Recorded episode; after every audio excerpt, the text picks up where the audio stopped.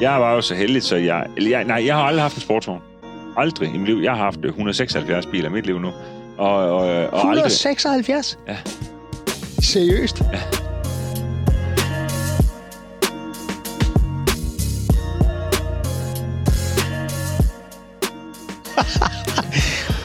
Ja, var- det var fordi René var med i en anden podcast for længe siden, Jyllandsposten, et eller andet, ikke? Og så, siger- så sidder ham der øh, verden derinde, kan slet ikke få luft over René, han har haft 65 biler. Jeg tænkte, jeg ved, hvor mange egentlig har haft. Og så går jeg i gang, du ved, tilbage hjemme med min mor, du ved, og bladrer i, du ved, i, i, i fotosamlingen, og, og så prøv, fordi det er jo svært, Thomas, fordi jeg har, du, du har ligesom ikke billeder af dem alle sammen, vel? Så Nej. det, det, tog mig lang tid, så hver gang, når ja, så, så skrev jeg ned. Og det, det, den satte jeg på af 165 biler den gang, så jeg har haft 11 siden. Øh, ja. Det er sindssygt. Øh, men øh, der, jeg har haft en rigtig sportsvogn.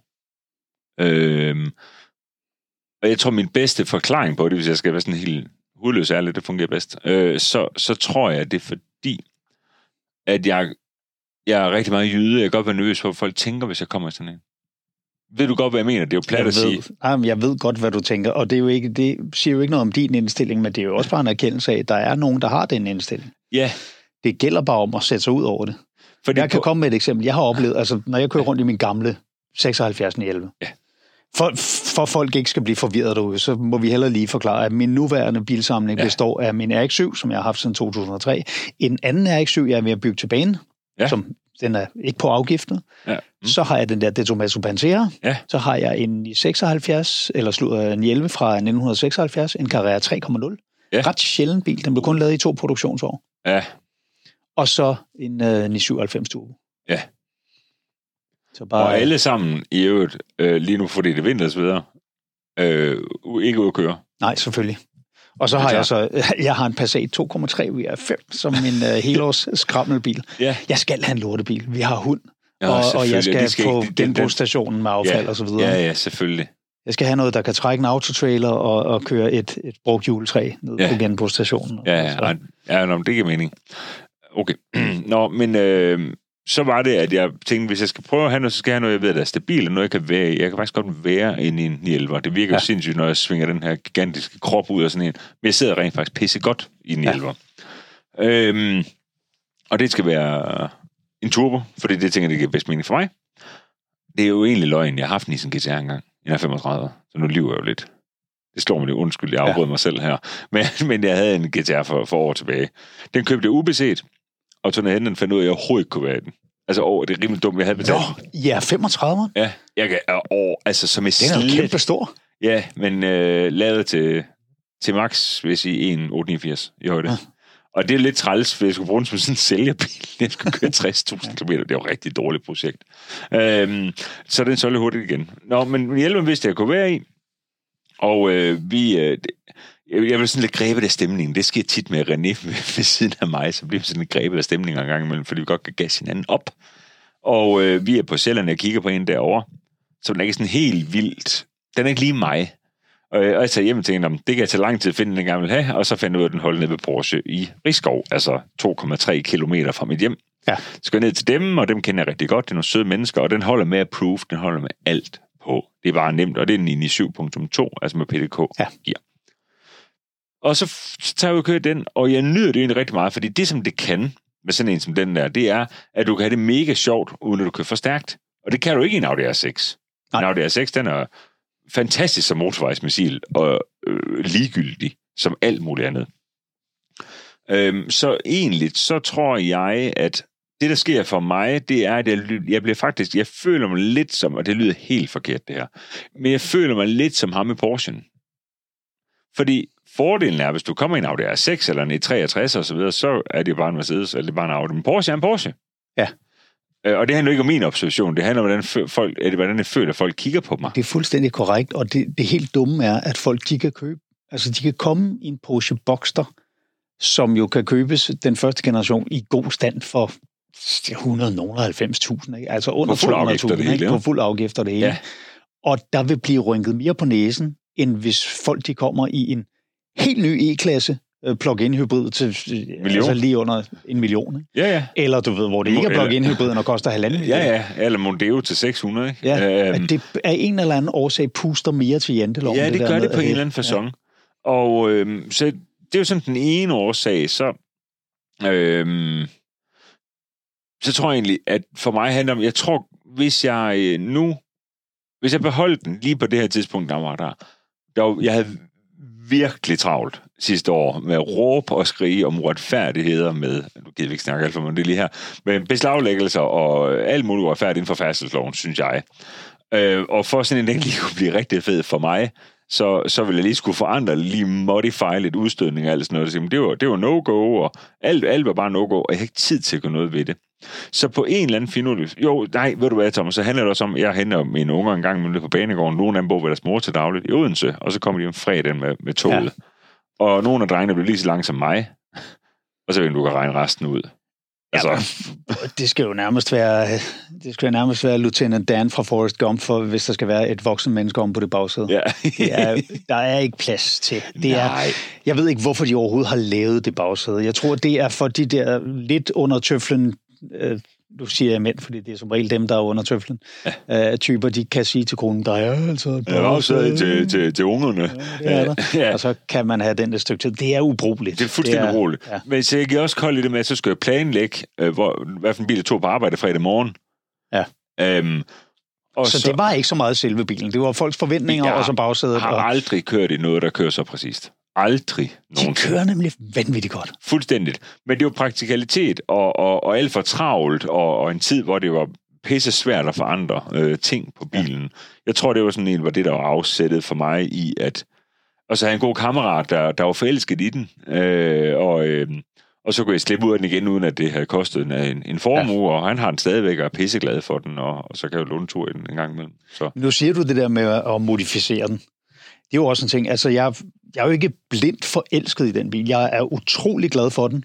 Men den har nogle fejl, hvis du spørger mig. Andre vil synes, at det er en styrke. Mm. Jeg kunne godt tænke mig, at den lød lidt mere som en sportsvogn. Altså, den lyder som en støvsuger. Det lyder Og helvede en- til, når, sær, særligt når du, når, folk, når du kommer frem til et sted, siger, at folk, så siger folk, start den lige op. Øh, Ja, man har ikke lyst. ej, altså. ej, det lyder helvede til. det lyder som en støvsuger, du Ja. holder hånden for, ikke? Jo. Og, men man kan jo også sidde under fuld acceleration, og altså fra fabrikken, sådan en i 97 etter, de, den var jo opgivet til, tror jeg, 3,6 fra 0 Ja. ja. til 100, ikke? Og der var jo flere bilplader, der målte den til 3,2-3,3 Ja. ja. stykker.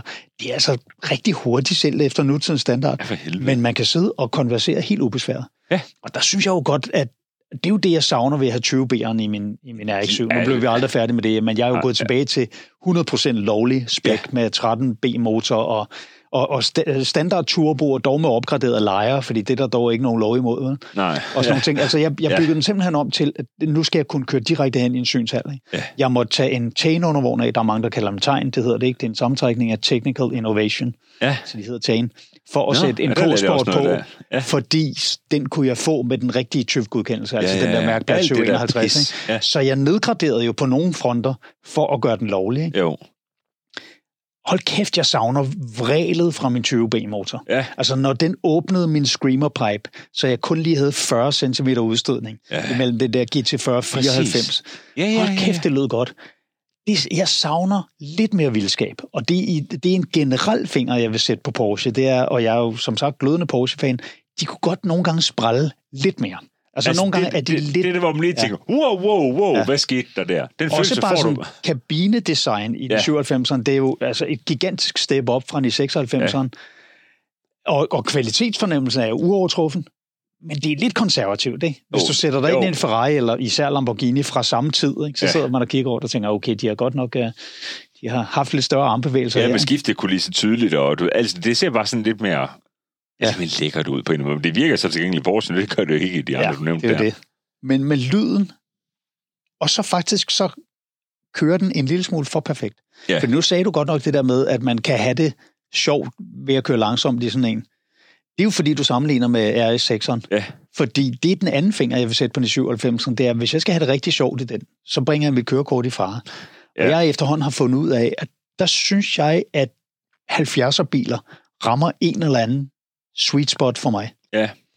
Fordi det er altså, de er tilpas avancerede til, at de stadigvæk kan køre godt efter nutidens standard, ikke?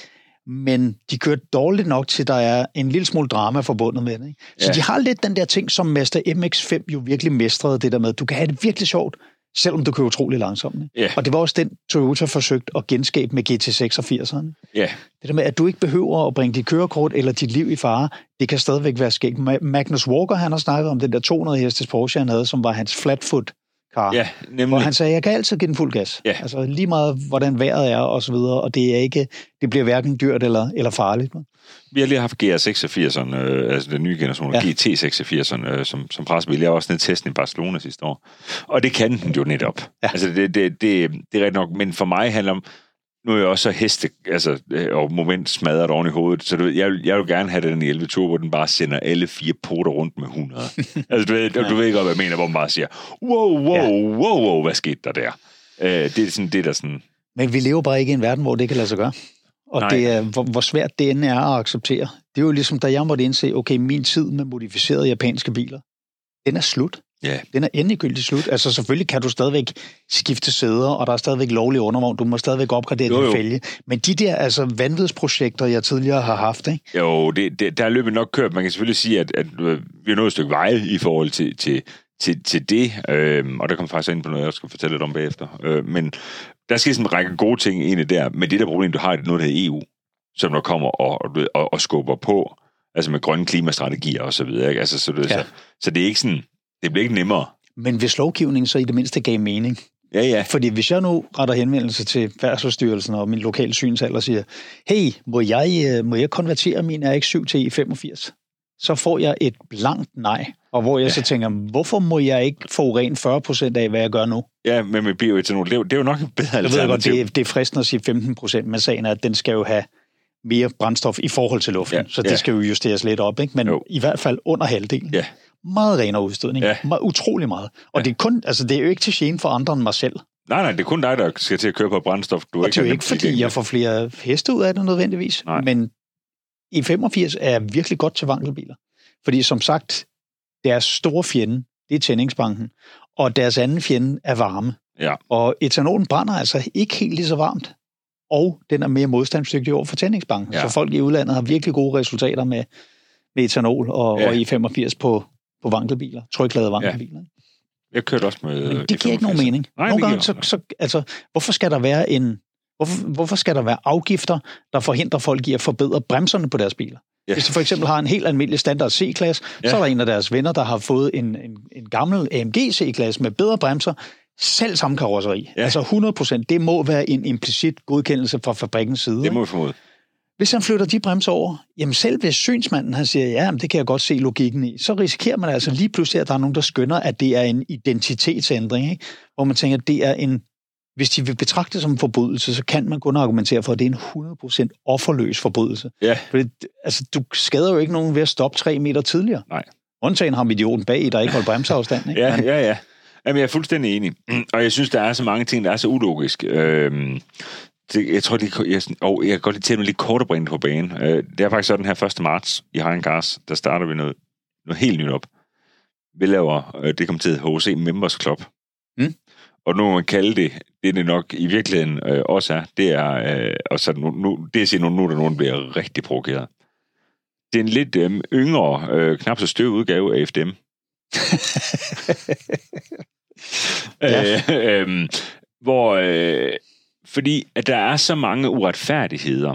Fordi alt det, som vi lige har siddet og talt om det sidste langstykke tid, det handler om bilpassion. Det er jo fuldstændig bedøvende ligegyldigt, hvilket du efterlader intet klimaaftryk med nogle af de biler, du har. nej, nej, nej. Altså, så længe Indien og Kina får lov til at være Indien og Kina, så er det lige meget, hvad Thomas Hartmann i Kiev han gør. Ja, øh, i de biler, som du så samlet set måske køre 10.000 km om året. Eller et, Ja, ja. eller et altså. og, og, og jeg har haft diskussioner med folk, det her, det har jeg også adresseret i et show, som på baggrund af, at jeg på det tidspunkt tror, jeg havde tre biler, kaldte mig et miljøsvin, og hvor jeg bare måtte sige, men det kan jeg vende, jeg kører kun i en af gangen. ja, Faktisk så mit ejerskab over de andre to biler forhindrer nogle andre i at køre i, dem, Jamen, de i står det tidsrum, lige nu. jeg- Ja, ja. ja. Så jeg Ja, ved det, ikke, så det, det passer simpelthen ikke. Men, men det, er det er i hvert fald noget af det, som der provokerer mig aller, allermest. Det er, at som du sætter ind på, som jeg ønsker at kalde for et bil-community, hvilket det jo er, men det handler virkelig bare om at have en fælles passion, altså øh, for noget, hvor der bliver set helt forkert på det. Og det vil jeg gerne prøve på forandre. Vi bliver ikke en politisk organisation, men vi vil gerne påvirke politisk. Ja. Så derfor laver vi den her klub, hvor i, det kommer til at koste 69 kroner om måneden med medlem af klubben. Og så er der gratis juridisk bistand. Der er tre advokater, der er hyret ind nu. Du ved, så nu kan man bare ringe og skrive og gøre ved, så står de klar til at hjælpe alt inden for det, der handler primært om færdselsloven. Count me in. Ja, tak. Øhm, og, og der øh, vil vi kæmpe de her forskellige ting. Ej, jeg, sætter faktisk, jeg synes faktisk, det er interessant. Jeg tror også, du kunne lide noget af det. Jeg talte med en i går, og den bliver jeg simpelthen nødt til at bringe i, i spil nu her. Mikkel Caprani, Mikkel Caprani, han har jo kørt motocross ja. for evigt. Jamen, jeg- Europamester og Så alt jeg det der. kender til Mikkel. Yes. Har vi talt med ikke også, Mikkel, inden for motocrossverdenen, hvad er der egentlig sådan, har I nogle vanskeligheder? Ja, siger han så. Du tage Tobias, min søn på 18, der også kører rigtig meget motocross. Han, øh, han har lige købt en Kia Rio, siger han så. Siger, Hvorfor det? Jamen, øh, fordi den koster 300, 330 kroner i halvårlig grøn ejerafgift, og så har han en trailer bagefter, og det er pissebesværligt. Men han har ikke råd til en varevogn. Så hvorfor har han ikke råd til en varevogn? Altså, han kører cross hele tiden, Tobias. Ikke? Han har en pladskrævende Ja. hobby. Det er fordi, at køber han sådan en 2013 Peugeot Boxer til 40.000, er det den, så koster den 10.000 ekstra om året i misundelsesafgift. Plus den grønne afgift, det vil sige 20.000. Ja. Han er lærer som lastbilmekaniker. Det har han altså ikke råd til. Og så er det ikke, med at tænke på, Thomas. Misundelses... Ej, ja, hold det op, var. Ja. Så kommer lige der i sin bokser fra 13. Misundelse, hold nu, oh, hold nu kæft. Det er jo noget, der må være tilbage fra Audi Q7, Touareg, Cayenne, gulblad ting, altså, ikke? de der øh, forskellige afgifter og ting og sager, det, det giver jo absolut ikke nogen mening. Fordi Nej. alene den almindelige grønne afgift tager jo heller ikke højde for dit kørselsbehov. Nej, Så kan min kone, hun har lige købt en Peugeot 208, Ja. som er i øvrigt er en overraskende dejlig lille bil. ja da. Så kan vores nabo have en eksakt med til, og de koster det samme på kronen i grøn afgift, til trods for, at min kone måske kører 60.000 om året, og naboen arbejder lige hernede i byen. Ikke? Ja. Og kører 12.000 om året. Jamen, når du har en plade på en 11 turboen, så koster den også 10-12.000, eller et eller andet, ikke, i grøn afgift. Ja. Og du, den, men, men, men du, kører jo, du belaster jo ikke noget derude. Jeg tror, jeg kører 3.000 om året i den. Ja. At the very max. Ja, og der, jeg nåede at køre 15.000 i min, ikke, på tre måneder, ikke? Det koster ja. cirka det samme. Hvor fanden var logikken?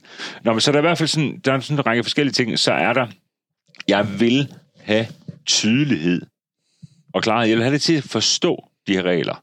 Altså, hvad er lovligt? Hvad er ikke lovligt? Præcis. Øhm, øh, og, og, Og hvis politiet og den udøvende magt så havde det samme regelsæt, som Ja. de havde nede i synshallen, Ja. så kunne de regler i og for sig også være, hvad de er. Men det, at du kan køre ud fra en synshal i en bil, der lige er blevet godkendt. Ja. Og jeg, jeg ved jo godt, jeg står... Øh, jeg- står alene med den her el, eller ikke alene, vi er ikke så mange i bilverdenen, men jeg synes jo ærligt talt, periodesyn er en skide god idé. det er da fint. Og det er jo skide, altså det var skide besværligt for mig, da de startede med det, fordi der var jeg jo begyndt at tune bil og sådan noget, Ja. hvor jeg tænkte, åh, så skal jeg til at bygge Ja, min bil om, det er hver gang jeg skal derned. Men det giver jo super god mening, at man lige kontrollerer, Ja. at bilerne de er i orden fra tid til anden. I Polen gør man det hvert år. Det gør det også i Tyskland, jo, ikke? Øhm, Så kan du køre derudfra, Ja. og lige har fået din bil tilset af en fagmand, og han har givet den thumbs up, så kan du blive stoppet 100 meter nede af vejen, og Ja. så konfiskere din... så tager de bare bilen med på et fejreblad, ikke?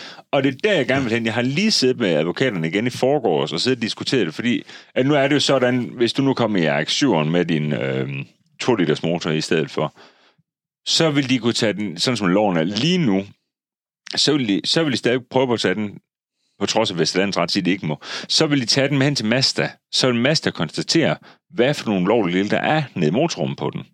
Så vil de, og så vil du få den udleveret igen. Og så må, du, så må du selv bestemme, hvad for en frit værksted, der så skal lovliggøre den. Og så siger, så, så siger øh, en af vores øh, jurister, så siger han, jamen, og du, kan vi nu ikke, øh, altså, kan vi acceptere den præmis? Så siger han, hvor fanden kan vi ikke acceptere den præmis? Det, jeg kan acceptere, det er, hvis Thomas, nu har jeg ikke lige brugt dig i det her eksempel, det gør jeg lige nu, hvis Thomas bliver stoppet i sin bil, og betjenten han ligger sig ned under og siger, prøv at der er ikke nogen katalysator på den her bil, så kan Thomas vælge fuldstændig ligesom, hvis han kører med sele eller uden sele. Lyve eller lade være med at lyve. Hvis du vil stoppe, du forstår godt, du vil hen, Ja. ikke? Øhm, og så kan du sige, nej, det er rigtigt nok. 5.000 i bøde til dig, og en indkaldelse til syn. Øhm, og, og, og og den, den får du, øh, så man sige, om, der, jeg tror, det, der provokerer mig, det er, når en politibetjent stopper en nu og siger, jeg tror, der ikke er katalysator på din bil. Mm. Om det må det synshandlen afgøre. Det, det, det er i hvert fald ikke noget, hverken et frit værksted eller et mærkeværksted skal bestemme. Det er det, vi har synshandlerne til. Ja, Så og det er fri værkstedsvalg i øvrigt også. Ja, altså, ja så men, der men, er men noget, du skal slet ikke vælge noget værksted, Thomas. Du skruer selv dine biler. Det er jo det, du gør. Ja, ja, men, men hvis de skal fungere som kontrollerende instans. Ja, det skal de. Men jeg har spekuleret på noget andet. Ham der krybet, øh, som sidder og udlæser de der motorstyringer. Ja, åh, ja, Og nu ser han så sikkert sur på mig, fordi jeg kalder ham det, hvis han sidder Ja, og lytter. Ikke? Men, Judas. men ja, det er virkelig... Altså, Ja. ja, jeg håber, du har nyt godt af dine sølvpenge. Altså især efter selv at have kørt tuningsvirksomhed. Det, hun går det 35 år, jo. Ja, men hvorom Det- alting er, hvordan er der, altså, er der nogen til at kontrollere ham? Fordi Nej. nu har jeg Nej. en bone stock fuldstændig standard motorstyring i min bil. Ja. Hvis han får den ned, og så hans melding er, der er indlæst en, en anden fil i, Ja. så kan Så jeg det stå nok så meget og så sige, Ja. undskyld mig. Altså FD'en er fra 92. Det var slet ikke muligt at indlæse en fil i. Så skal Nej. du decideret skille den ad og skifte en chip, og det skal du altså have en eller anden ekspert i. Ja. Fordi det er ikke med OBD2. Nej, nej, så nej, nej, det er long, længe Ja, før det, er, det, det, det, det kan slet ikke lade sig gøre. Nej. Men derudover så ved jeg, fordi jeg har pillet den øh, motorstyring ud af en fuldstændig standardbil på et tidspunkt, og så har jeg sat den tilbage i en tæt på standardbil. Ikke? Ja. Så jeg ved det. Ja. Er der, er der en, Nej. øh, altså en Nej, uvildig nej, instans? Nej, nej, det er der ikke. Så, så hvis han ser sig tilbage sur på en, eller Ja. ja. tænker, nu er det lang tid siden, jeg har fundet noget. Han har udlæst en motorstyring øh, på en Opel Corsa, hvor jeg ved, han ikke kunne udlæse den, nu han havde bilen dernede. Og han havde ikke bilen dernede. Konstateret med chiptunen. Men ved du, hvordan han kunne se det? Det er, fordi han selv har chiptunet den. Smart, ikke? Ja, det men, men øh, når alt det der, der, vi har, jeg tror, vi kommer til, jeg tror, vi har 70 sager, vi kører nu Ja. øh, øh, mod regeringen, ikke? Fordi der er, ud, der er uddelt bøder for store frakturer for alt muligt osv. Så, videre. så der kører sådan en masse erstatningssøgsmål øh, nu. Og så prøver vi at være konstruktive også, som skriver til Justitsministeriet, hvordan man så kunne gøre det i stedet for. De har jo fået hug mange af dem her ned igennem systemer, der har lavet fejl. Men jeg vil gerne være med konstruktivt, og det jeg bare kan sige, Thomas, det er, at det her det er en kamp, der kommer til at tage utroligt lang tid. Ja. Øhm, og derfor øh, laver vi øh, den her klub, for det er den ene ting. Så den næste ting, det er, du, jeg ved ikke, har, har du set det med Motorsportcenter Fyn, der var tvangslukket og Ja. alt muligt lort. Lad os se som ham. Tror du, tror du, han har mange penge lige nu? han har været tvangslukket i to og et halvt år, ikke? Han har så fået lov til at åbne op jo med gode venners hjælp, og, og øh, vi har skrevet Danmarks historie med, med hjælp med, øh, hvad hedder det, det her, det kan jeg sgu ikke huske, hvad det hedder, øh, hvor du kunne skrive nogle gode idéer, eller ej. det er også pisselig hvad det hedder. Overforslag. Ja, nej, ikke engang borgerforslag. Det, Kickstarter. øh, nej, nej, man, man skulle gå ind øh, og... og Underskriftsindsamling. Ja, ja, et eller andet pis. Vi hjalp i hvert fald det til, at det blive genåbnet. Det var jo ikke Haren Karst, men alle Haren Karst lytter også her. Det, der så skete, det var, at øhm, ja, det, det, vi ville gøre, det er, at vi ville tage nogle af de her 69 kroner om måneden og lægge ind i en pulje. Og den her pulje, der kommer til at sidde otte mand i vores advisory board, der skal være med til at bestemme, om det er en god idé. For eksempel gå ned til, det kunne vi nemlig Motorcenter Fyn, og give ham en stak penge. Ja. Fordi han har brug for hjælp.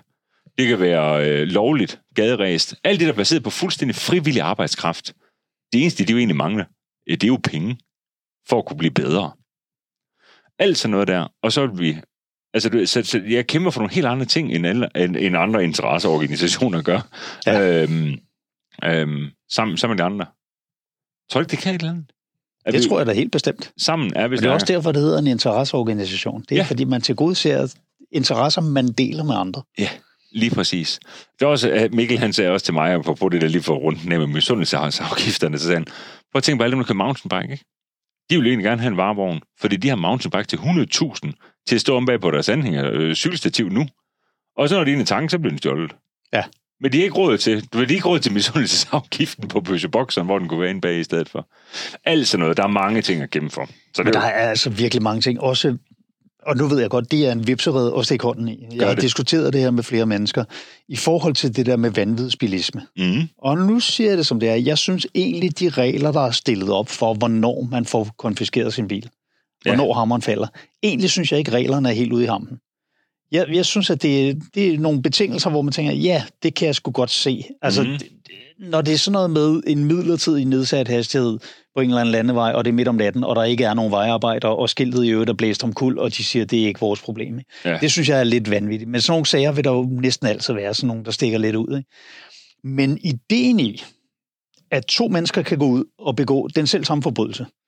Lad os tage to eksempler. Øh, Den ene, hun hedder Karina, hun har sin egen tandlægepraksis, og hun har nu købt den Maserati Grand Cabrio, hun har drømt om i overvis. Mm. Den anden, det er Murknud, der kører i en Toyota Ølvensis. Avensis, Ølvensis. som kun er kommet igennem det sidste syn, fordi han har gået i skole med synsmanden. Ikke? Ja. De kommer begge to til at køre lige over øh, det dobbelte af, hvad de må, på en, en bivej. Ja. Murknud, han får en bøde på skrotpræmien Mm. i praksis. Ja, ja. Og hun får en bøde på, lad os sige, 1,7 millioner, hvis Ja. det, det er den bil er værd i øjeblikket. Ja. Ikke? Hvordan er det lighed for loven? Det er det ikke. Fordi hvis du nu var kørt ud i din 97 Turbo og havde lavet den selv samme overskridelse, Ja, ja. altså objektivt set, og det ved jeg godt ikke er et argument, de fleste de vil acceptere, men objektivt set er det jo mere vanvittigt at begå den hastighedsovertrædelse i den gamle Avensis, end i en bil, hvor køreegenskaber og Enig. dæk og bremser og hele lortet er dimensioneret til det, Ja. og du i øvrigt har en del erfaring som driftkører og, Ja, ja. og ved, hvordan du skal håndtere sådan en bil. Ikke? Men hvis vi, selv hvis vi ser fuldstændig bort fra det, det giver jo absolut ikke nogen mening. Og så ved jeg godt, at der er rigtig mange, der vil sidde og råbe op om det der med, jamen nogle bøder bliver også givet efter årsindkomst. Ja, men prisen på din bil er altså ikke ligefrem proportional med din årsindkomst. Eksempelvis, hvis du går ud og kigger i min garage, så vil du tro, at jeg tjener rigtig, rigtig meget mere, end jeg gør. Mm. Forklaringen er så simpel, at jeg prioriterer vanvittigt, Mm. og jeg er 53 år gammel, jeg har aldrig fået børn. Jeg har haft et job, der i nogle perioder har til, øh, tilladt mig at tjene OK, Mm. fordi man i mit erhverv til dels selv er herre over, hvor meget man vil tjene, hvis man vil arbejde mere. Men jeg har jo passet nogle gange tre redaktionsjobs, Ja. samtidig med, at jeg har lavet stand-up. Ikke? Så de fleste andre, der havde passet tre eller fire jobs samtidig, mm. ville også have haft nogle perioder, hvor de kunne skrabe lidt sammen. Ikke? Ja. Og så netop det der med, det betyder altså rigtig meget at have en alder, hvor forsikringen ikke ruinerer dig, og hvor, ja, som sagt, jeg har ikke, jeg har ikke haft børn. Vel? Og den ene bil er jo købt, fordi jeg solgte det ene hus. Og, Nå, men selvfølgelig. men jeg, altså, jeg ved, hvis jeg får konfiskeret min 97 Turbo, jamen, så var det den. Det var den sidste, jeg havde. Det var den Ja, eneste, jeg havde. ja, Den du- får du jeg kan- aldrig igen. Nej. Øh, jeg har sådan et meget sjovt eksempel med det, fordi at, øhm, jeg har en medejer, har en Carsten, der hedder Jacob. Han har en Mercedes V-klasse på fuld afgift, 10 millioner. Så vi har en bestyrelse, har en Carsten, der har vi Janus, han er vores advokat. Han har Mercedes V-klasse. De er helt identiske. Han er leaset, men første gang til med 30.000 kroner, ikke? Ja. Øhm, så lad os så sige, at begge to blev nappet, ikke? Ja. Hvem mistede mest? Og hvordan fanden var det fair? Men der, det, det var absolut totalt unfair i min optik, der tror jeg, vi er fuldstændig enige. Og så det næste er jo, nu har jeg jo ham med min søn, der blev 18 år gammel. Så, så, du ved, så har man selvfølgelig taget en masse gode snakker med omkring det her. og Nu, han, han er heldigvis totalt kedelig i trafikken, men han kan godt lave fejl, og det gør du bare nemmere i, i en 612 hestes i 63'er. For det ved du selv, du bliver fuldstændig fartblind i de her biler, du ved, så, så du kan godt komme til at overse Ja. et skilt, og det, og det provokerer mig. Og jeg har, faktisk lige, jeg har faktisk lige sagt det på en scene ned til motorshow. Det provokerer mig, at vi ser ens på en, som der overser et skilt kl. 1 om natten øh, på, på en motorvej, hvor der netop ikke er nogen vejarbejde, der er ikke en skid. Og så samtidig kalde det for vanvidsbilist. Når de første 1000 biler, der blev taget for vanvidsbilisme, der er det 780 af dem. Det er jo spritbilister med en alkoholpromille på over 2. Hvis du og jeg, Ja, det er vanvittigt. vi kan jo ikke få en promille på over 2. Du og jeg, nu er vi ikke alkoholikere Altså, til kan vi ikke stå op. Der har vi sovet længe. Ja. ja det, det, det, det, det kan du slet ikke generere. Det er hård træning, øh, for, for du kan generere det. Og Thomas, det er ikke et øjebliksbillede for sådan en spritbilist. For det er, jo, det, er jo, det er jo en promille, han har oparbejdet igennem længere Ja. tid. Det er et øjebliksbillede. Nu, jeg har en sjov, grotesk sag, Audi A7, og ved Aalborg, der er en af afkørslerne. Når du tager den, så bliver den flettet ned til et spor. Så går du fra motorvej til en 50-zone der er der en lastbil her, øh, som han lige vil overhale, inden så han lige når foran ham. Ja. Og han er mistet 50 zone, så han kører 103, da han kommer ind, du ved, for at overhale lastbilen og kører 89. Der står politiet. Så han mister sin A7, der ikke var hans. Det var en firmabil. Han mister sit job som key account manager, øh, sælger. Kald det, hvad du vil. De beholdt bare hans pension, og det er den datten for A7'eren. Hvad, har han- hvad, hvad har han lært af det? Hvad skal han? Han har lært noget, han vidste i forvejen, at lastbiler ikke er gennemsigtige. Fordi den kan jo have været på indersiden af ham, der han passeret til skilt. Jeg har faktisk en, en sag, der ligner den. Jeg, øh, jeg kører meget sjældent for stærkt, fordi Ja. ja. jeg er så afsindig afhængig af mit kørekort, både i forbindelse med mit job og min hobby. Så decideret hastighedsoverskridelser, det er sjældent, og min kone, hun giver mig det her. Hun siger, det er utroligt så mange fartbøder, jeg får i betragtning af, hvor ustyrligt sjældent jeg kører for, for Det er det samme med mig. Til gengæld så, altså jeg har sådan en ven, nu skal jeg ikke sige hans navn, Ja. han kører konsekvent, altså alt for hurtigt. Ja. Meget for hurtigt. Ja, ja. Vi snakker sådan noget med, jamen så kører han 180, fra, fra Års til Holte øh, med en gennemsnitshastighed på, ja, 180-200. Ja, ja, ja. og der sker aldrig noget. Nej. Og jeg har fået, jeg tror, tre klip igennem tiden, ikke? og det ene af dem nåede så altså forfald, inden de to andre kom til. Ja, ja. Det ene fik jeg for et par år siden ude øh, i Dragør. Mm. Vi, er- jeg har jo boet derude på et tidspunkt, Ja, ja. og Trine og jeg, vi er ude at køre i min gamle 11. Vi kører ud under tun- tunnelen derude ved motorvejen. Ja. Og i og med, at jeg har boet derude, så har jeg vidst, at det der byzoneskilt, det har alle dage stået op i Stor Magleby, når den vej, den ligesom slutter. Ja. Det har de så flyttet ud af, ud mod tunnelen. Nå. Altså længere ind mod København. Ja. Og jeg konstaterer det, da vi kører forbi og kommenterer det, fordi det, det faktisk står inde bag en gren fra et træ, Ja. som jeg siger, okay, det har de flyttet, og det står sgu da godt skjult, ikke? og begynder at tage farten af. Ja. Så triller jeg frem mod krydset, så træder der en betjent ud. De havde så en måling på mig på 72. Det, jeg har kørt ud af, er en 80-zone. Så jeg synes allerede 72 fortæller, at jeg for det første nok ikke har kørt over 80, for det andet var i gang med at tage farten af. Ja. Det eneste, jeg ikke gjorde, det var at stampe på bremsen, Ja, lige så snart jeg så efter til de skilt. flyttede ikke? skilt 200 meter baglæns, eller hvor Ja. det var det nu er. Ja. Og du kan prøve at gætte på præcis, hvorfor han står der. ja. Det er fordi, han Surprise. ved, de fleste, der ikke har været der siden sidste sommer, de Ja. ja. kommer til at ryge lige i den der, Ja. og så kan de få nogle dejlige bødepenge i kassen. Ikke? Ja. Ja. Det er jo sådan et klip, jeg synes er direkte uretfærdigt. Helt vildt. Og der ved jeg godt, at der er rigtig mange, der vil sige, jamen det kan du jo bare lade være med. Men det kunne jeg rent faktisk ikke lade være med lige det, der. Det er bare sige alt det, de har lyst til. Øh, men det kunne du ikke.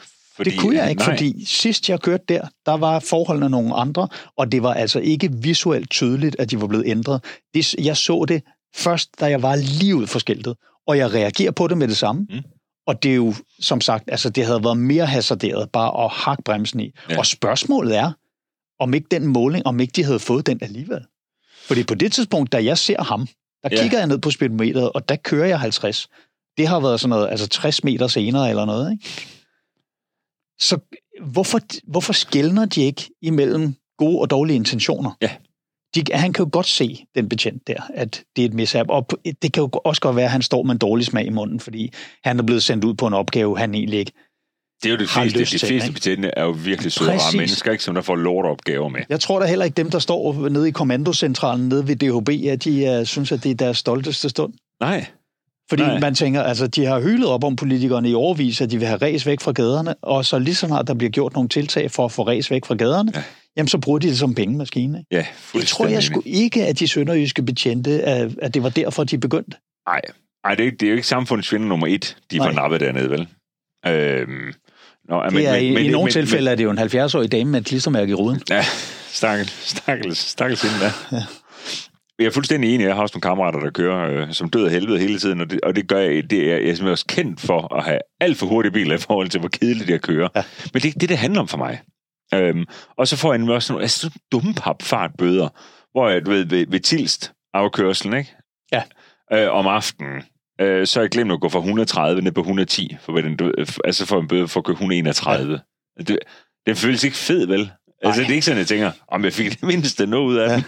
Det er sådan nogle åndssvage fartbøder. Men det igen sådan noget, så kan de jo se, at eftersom du troede, det var 130, så har du faktisk forsøgt at køre det, du måtte. Jeg har da ikke tænkt Fordi hvis du kom med det. 160, så kunne de jo sagtens sige, Ja. ja. hvad så, hvis du troede, det var 130? Ja, Hvorfor det, kørte ja, du så 160? Det er præcis. Ja, men jeg, jeg, jeg har bare ikke, jeg har bare ikke kippet fartpiloten ned, vel? Det er jo, du altså, nu 80 sport er ret stor motorvejen der sådan en aften. Der er jo ikke noget, der er ikke en skid trafik eller noget, som jeg ikke tænker en skid over det.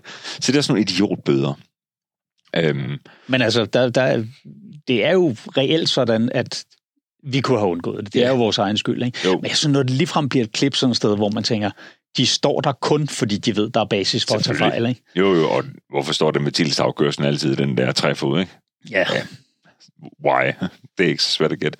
Men, der, men sådan er der så mange ting, øhm, som man skal kæmpe for. Øhm, Og, og det, det, færdselsloven er bare, den er svær at forstå. Vi fik en, vi har sådan en mail, der hedder jura, snablag, som man er velkommen til at skrive ind på, og det, per 1. marts, så bliver det sådan, du ved, så bliver der svaret, man bliver ringet op af advokater og så videre, når man er medlem. Der er en million, der skriver det ind til øh, hele tiden, og det, altså, så, så mange penge har jeg altså ikke, de arbejder jo ikke gratis, øh, øh, vores advokater, men vi har, vi har Anja, som er uddannet i Færdselsstyrelsen, som jurist, øh, og så øh, højesteretsadvokat i dag, øh, som en af dem. Og hun er altså bare guld værd, fordi for eksempel hun lige fået en sag fra os nu. Der er en, der har fået et klip af kørekortet, fordi han glemte at sætte springvejeren på til sin trailer. Det vidste jeg altså ikke, det kan klippe kørekort. Det vidste jeg sgu godt nok heller ikke. Nej. Men det kan være det rigtigt nok. Vi bliver nødt til lige at få det udfordret, og lige få det tjekket ordentligt op. Så må jeg sige, det er der præcedens for. Det er sådan, det, det er sådan her, det er. Ja. Og så, kan, men så kunne jeg da godt overveje, om man skulle prøve at se, om man kan lave altså en, en, altså en ændring, eller, ja. eller et eller andet. Jeg ved det ikke, du ved, men det virker bare sådan lidt vildt nogle gange, ikke? Men det er jo også nogle gange et spørgsmål om tilgængelighed og, og klarhed. Altså det, det skal være synligt, hvad fanden er... Altså fordi en ting er, skiltning på motorvejene er jo også nogle gange i forhold til hastighed tvetydig ja. eller mangelfuld. Ikke? Jo. Det er en ting. Men sådan noget som den der nye paragraf som gav dem mulighed for at konfiskere biler, hvor de helt belejligt lige glemte at skrive tunge køretøjer, ja. til trods for, at hele grunden til, at den blev tvunget igennem, det var de der folk, der koblede deres AdBlue-system fra. Ikke? Jo. Og I kan jo prøve at spørge, hvor mange lastbiler kontra hvor mange personbiler, de har konfiskeret sidenhen. Ja, ja, jamen, der og da de holdt ret ud ved teknisk skole, var det for at få fat på polske langturschauffører? Ja, nej, det var for øh, at få fat i Brian med hans ja. lidt for stor udstødning på golf. Jamen, og det, handler, og det, det er nemlig rigtigt sammen. Det er en god pointe, for det handler jo netop om, det de gerne vil have styr på, det er jo ulovligt gaderæs. Og det tænker, hvis de tager ud til teknisk skole, så kan de fange alle dem, der vil køre ulovligt gaderæs på teknisk skole, inden de kører ulovligt gaderæs. Ja. Men, men, men det er bare en forkert præmis. I stedet for, så skal man sige, hey venner, ulovligt gaderæs, det er lort. Det går ikke. Men vi har til gengæld, det er i hvert fald det, jeg gerne vil have, mulighed for, at I kan komme fredag aften fra 16 til 20 der. Fire steder i Danmark. Lørdag aften fra 16 til 20. Fire steder i Danmark. Og så kom ind, og så har vi lavet sådan en hjørne herovre, der kan du prøve at skabe det. Så også simpelthen du er god til at køre drifting i en rundkørsel, og så kan du køre 200 meter heroppe og nedad. Ja. Og hvis du så er så spæd... Og du skal stemple ud og ind, så dit forsikringsselskab har mulighed for at sige, det dækker vi ikke. Lige præcis. Ja. Og, Frihed under ansvar. Ja. Og når du så kører derfra, hvis du så er så torskedum, så du sådan der kører ulovlig gaderæs på havnen igen om aftenen, i rest my case. Ja. Øhm, det, det, det, det vil jeg ikke forholde mig Men til. så har de haft en anden mulighed, ikke? Ja, men lige nu der er ikke noget alternativ. Hvor lang tid tror du, at gaderæser eksisterer, Thomas? Altså, since forever. Jamen prøv at høre den. Jeg var, jeg var ude på striben ude i Avedøre i 1990 i min gamle Alfas ud. Ja, det er jo virkelig mange år. Det, men det, der, er, det har jo eksisteret. Ja. Ikke? Hvad hedder det, hvor man kørte? Ja, det var lige efter forbudstiden. Og det er jo sjovt nok, det er jo derfor, at man den dag i dag kører en kvart mile til drag racing. Fordi efter forbudstiden, der ja. alle de der uh, sprutsmugler, de havde jo tunet deres biler og skrællet dem for vægt og sådan noget, for at kunne køre fra politiet, ikke? Ja. Når, hvis de blev opdaget på vej ind over grænsen med, eller statsgrænsen med, med sprut ombord. Ikke? Ja. Og så vidste de sgu ikke rigtigt, hvad fanden skal vi gøre med de her biler? Nu er det blevet lovligt, nu, nu kan vi ikke lave det mere. Og så var det, de begyndte at køre race mod hinanden. Og standardafstanden imellem lyskryds i de amerikanske byer dengang var en kvart mile. Fordi de fleste amerikanske byer er jo bygget op i blokke, og de begyndte så at køre fra det ene lyskryds til det andet.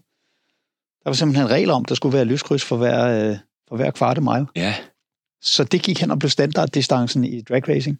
Nej, hvor, det anede jeg ikke. Jeg, og jeg har nok i virkeligheden bare aldrig nogensinde reflekteret over, hvorfor fanden der var, man kørte 402 meter. Det er derfor. Ja, det er i hvert fald, hvad jeg har fået Ja, men det tror jeg altså, rigtigt. Det, det lyder da ret sandsynligt. det lyder meget sandsynligt. Ja. Men og det er jo ved at sige, for, forbudstiden var hvornår? det var i 30'erne engang, ikke? Altså, så der har været, der har været, så der har været race. I hvert fald drag racing, I gade 90 racing, år. ja, siden 1940'erne, ikke? Ja. det er sindssygt. Men øh, som... Der var, der var pointe- stadig tørre lokaler på Titanic, da de begyndte at... ja. Men min pointe... min pointe med det er bare, at man kan ikke bare give forbud og forbud og forbud og forbud. Mm. Og der, lige for at runde den af som den aller sidste inden for mit rant omkring alt det der, så var det bare sådan, jeg har også kammerater, der tog i byen for at bokse i gamle dage, ikke? Ja. Så fandt jeg ud af en bokseklub. Når de fik meldt sig ind derop, så boksede de alle med ned i byen. Det er fuldstændigt det samme her. Giv nu bare folk plads til deres hobby.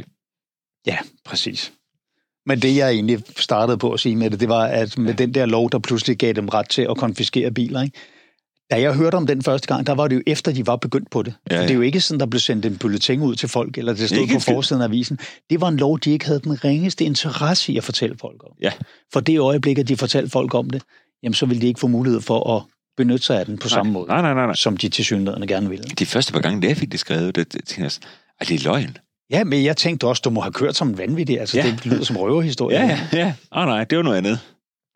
Ja, og derfor valgte du selvfølgelig at gøre den lovliggøre ja. aktionen. Og, det havde jeg heldigvis gjort inden ja. da. Ja. Fordi jeg simpelthen var træt af det der cirkus hver eneste gang, den skulle syne.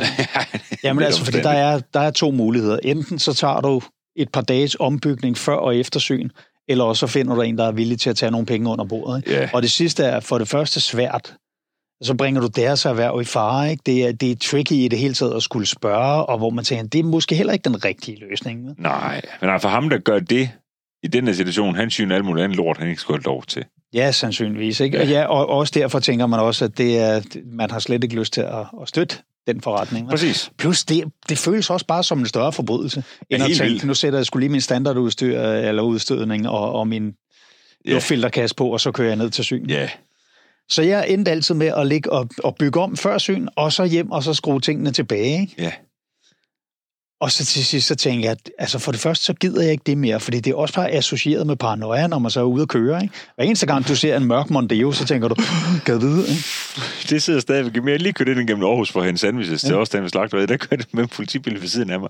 Og jeg, jeg ser altså en helt lortebil, ikke? Ja. Vi er ved at tænke, hvad, hvad kan der være her? Hvad kan der være? Du ja. ved godt, hvad jeg mener, ikke? Jeg ved præcis, hvad du mener. Ja, ja. Men jeg tror i virkeligheden, den tanke, der en dag ramte mig, og jeg ved vidderligt ikke, hvorfor jeg aldrig har tænkt over det her før, men pludselig så sad jeg i min, i min RX-7 med min 20B motor i, så tænkte, hvis jeg er involveret i en ulykke nu, ja.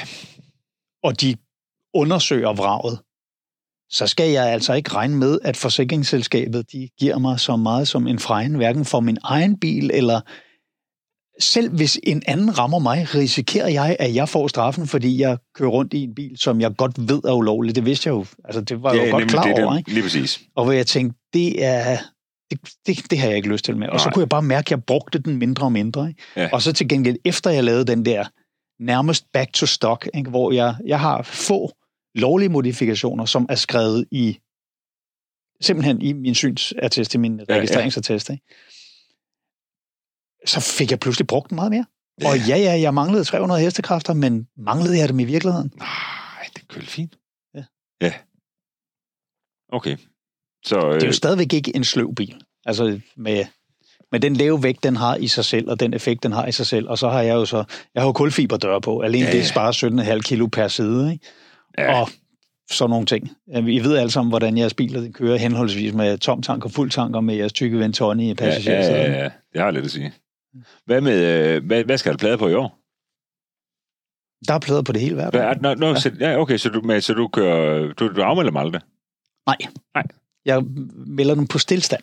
Ja, altså så, så du sparer nogle penge på forsikringen? Jeg sparer penge på forsikringen. Jamen, Til gengæld ikke en krone på grøn afgift? Nej, og det er så også noget, der ikke giver mening. Ikke? Ja. At man ikke ligesom, hvis man kan dokumentere, jamen den er altså på stillstand lige nu, der bliver ikke kørt i den. Man kunne sågar aftale, man, de, af, du... man deponerede pladerne hos skat. Dig, digital nummerplade?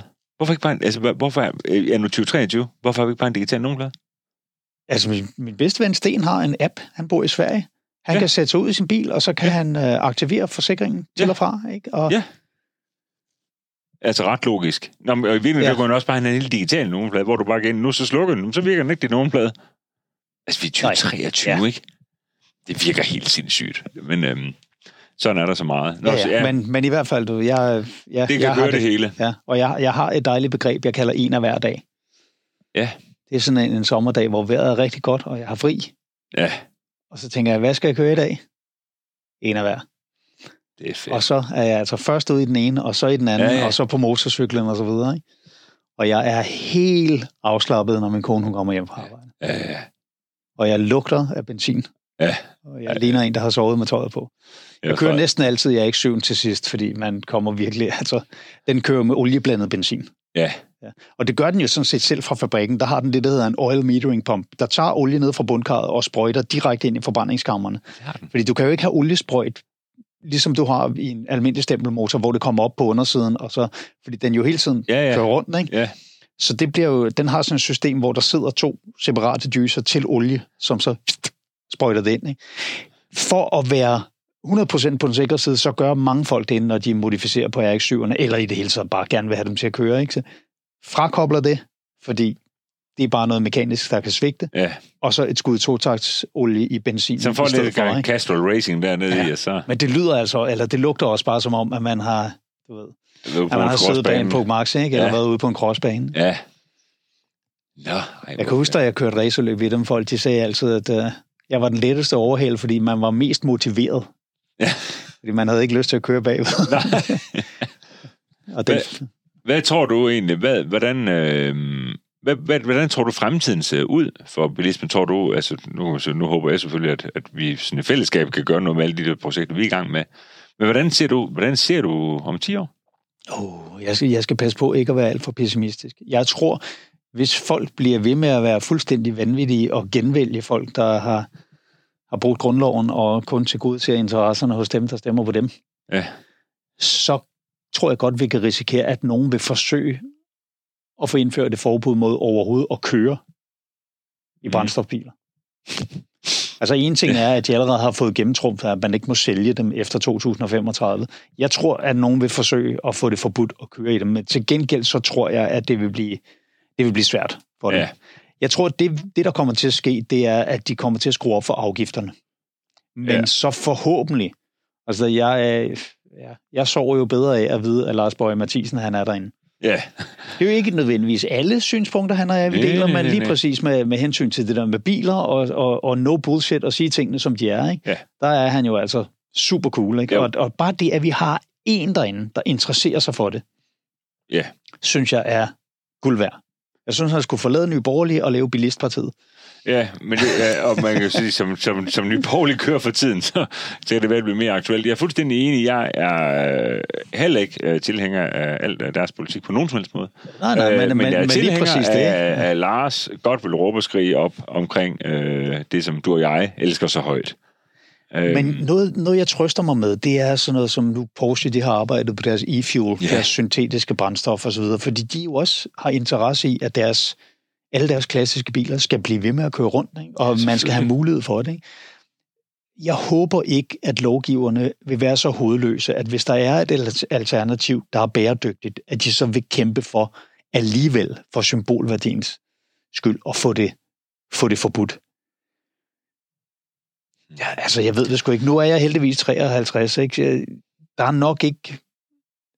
Det kan være, at jeg har 30 år tilbage i mig. Ja, det kan det godt sådan. være, at det ikke ser helt sort ud, når jeg dør, Nej. men det tror jeg til, til gengæld, det gør 20 år senere. Ikke?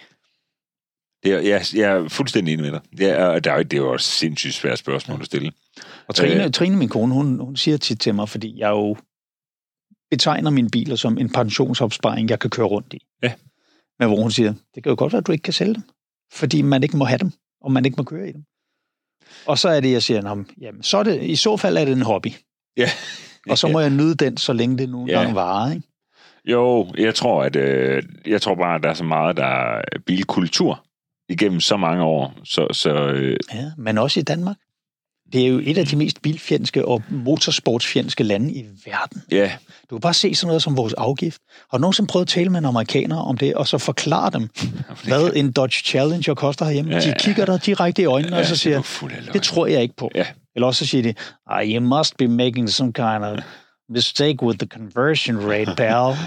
Altså, de, de tror jo lodret ikke på en, når man siger, jamen altså, den bil, du køber for 50.000 dollars, Ja.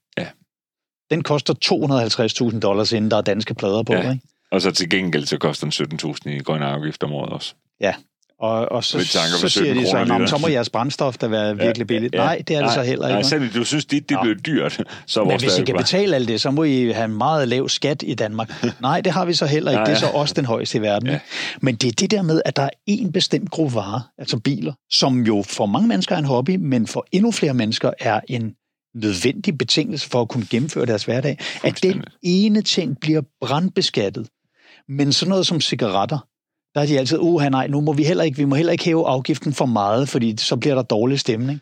Hvor man ja. tænker, altså det er jo ikke godt for nogen. Den har jeg engang udfordret en af mine barndomskammerater. Han er lungemedicinsk overlæge og sidder i alle mulige fancy foreninger og alt sådan noget. Så jeg spurgte ham, hvorfor sætter man ikke bare en pakke cigaretter op til 200? Og dengang det er over tilbage, så det er fordi Lars Løkke ryger. Ja. Jamen, du kan jo altid koge det helt ned.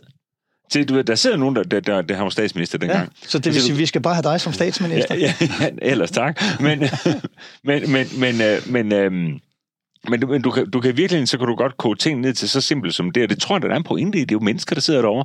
Og de der, når du tager vanvidsbilisme, det er det, man skal huske på, der sidder nogen der på Christiansborg. Så de kan, ikke, de kan ikke forestille sig, at der nogen kan køre 200 km i timen. Nej. Du kan ikke... Og jo, så det meste af deres kørselsbehov, det foregår i en bil, der ikke er deres, og ikke bliver kørt af dem selv. Ja, de er det, det er fuldstændig risikofrit for dem det, at vedtage. Det er jo staten ejen, hvis den skulle blive taget for vanvidsbilisme, men ja. nu er bare tilbage til dem selv igen alligevel. Uh, så, så du ved, så, så, og, og, jeg, tror, jeg, tror, det, jeg tror, det er mere simpelt end som så.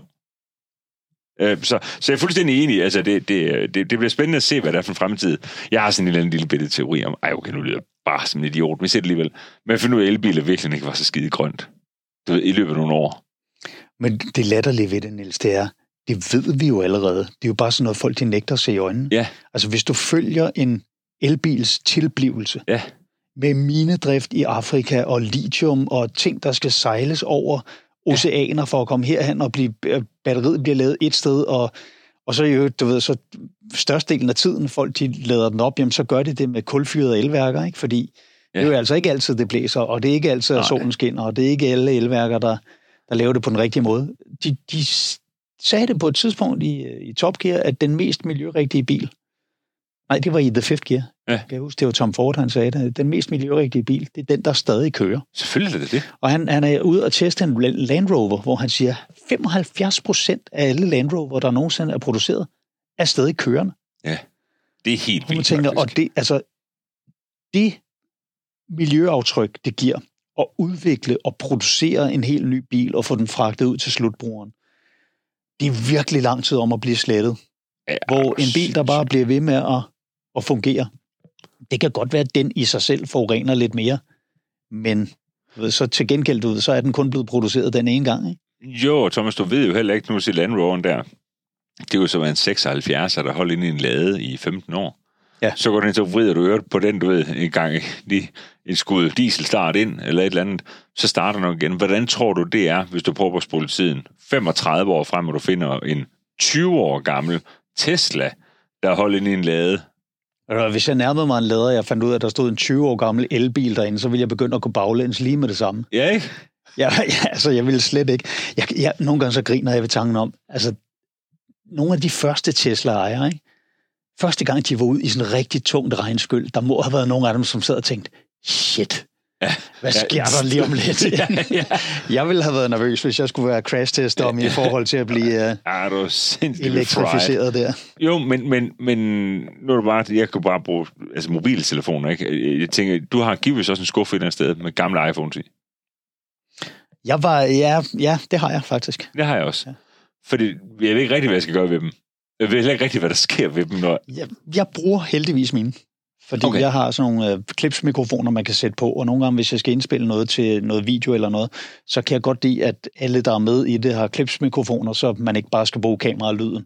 Så jeg ja, bruger dem som lydoptager. Du bruger lydoptager, ja. ja men det, er jo, det ved jeg godt, det er meget mere undtagelsen, end det ja, er. Ja, ja, netop. Øh, men, men, men, det, men det kommer bare til at ske, det, det, jeg tror, min pointe med det, det er, at øh, du vil sige, for der kommer fladskærmsfjernsyn tilbage, lad os sige år 2000, eller det, det koster ja. 130.000 kroner, så bliver de sådan ret hurtigt erstattet til, at du i dag får et 65 tommer til 4.000 kroner. Så kommer der masse i overskud.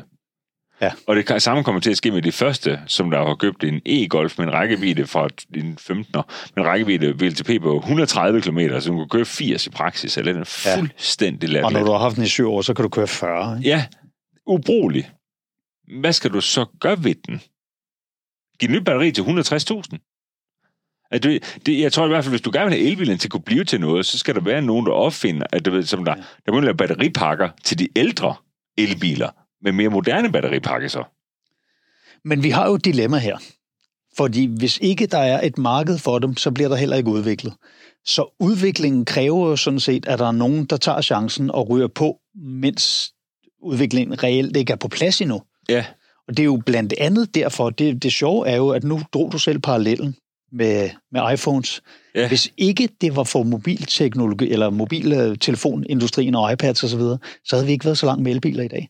Nej. Det var, jo, det var jo mobiltelefoner, der gjorde, at de tog nogle kvantespring i forhold til batteriteknologi, Ja. som lige pludselig gjorde, at hey, nu kan det altså lade sig gøre at, at køre i de her biler, Ja, hvis du har et moderat kørselsbehov. Ikke? eller, eller du går fra Motorola utroligt. 5200 og så op til en iPhone, ikke? Jeg kan Ja. huske, jeg havde den der Nokia 1110, og jeg var jo, jeg havde nærmest legendestatus på mit arbejde, fordi jeg på et tidspunkt havde øh, fået mit batteri til at vare i 6,5 timer.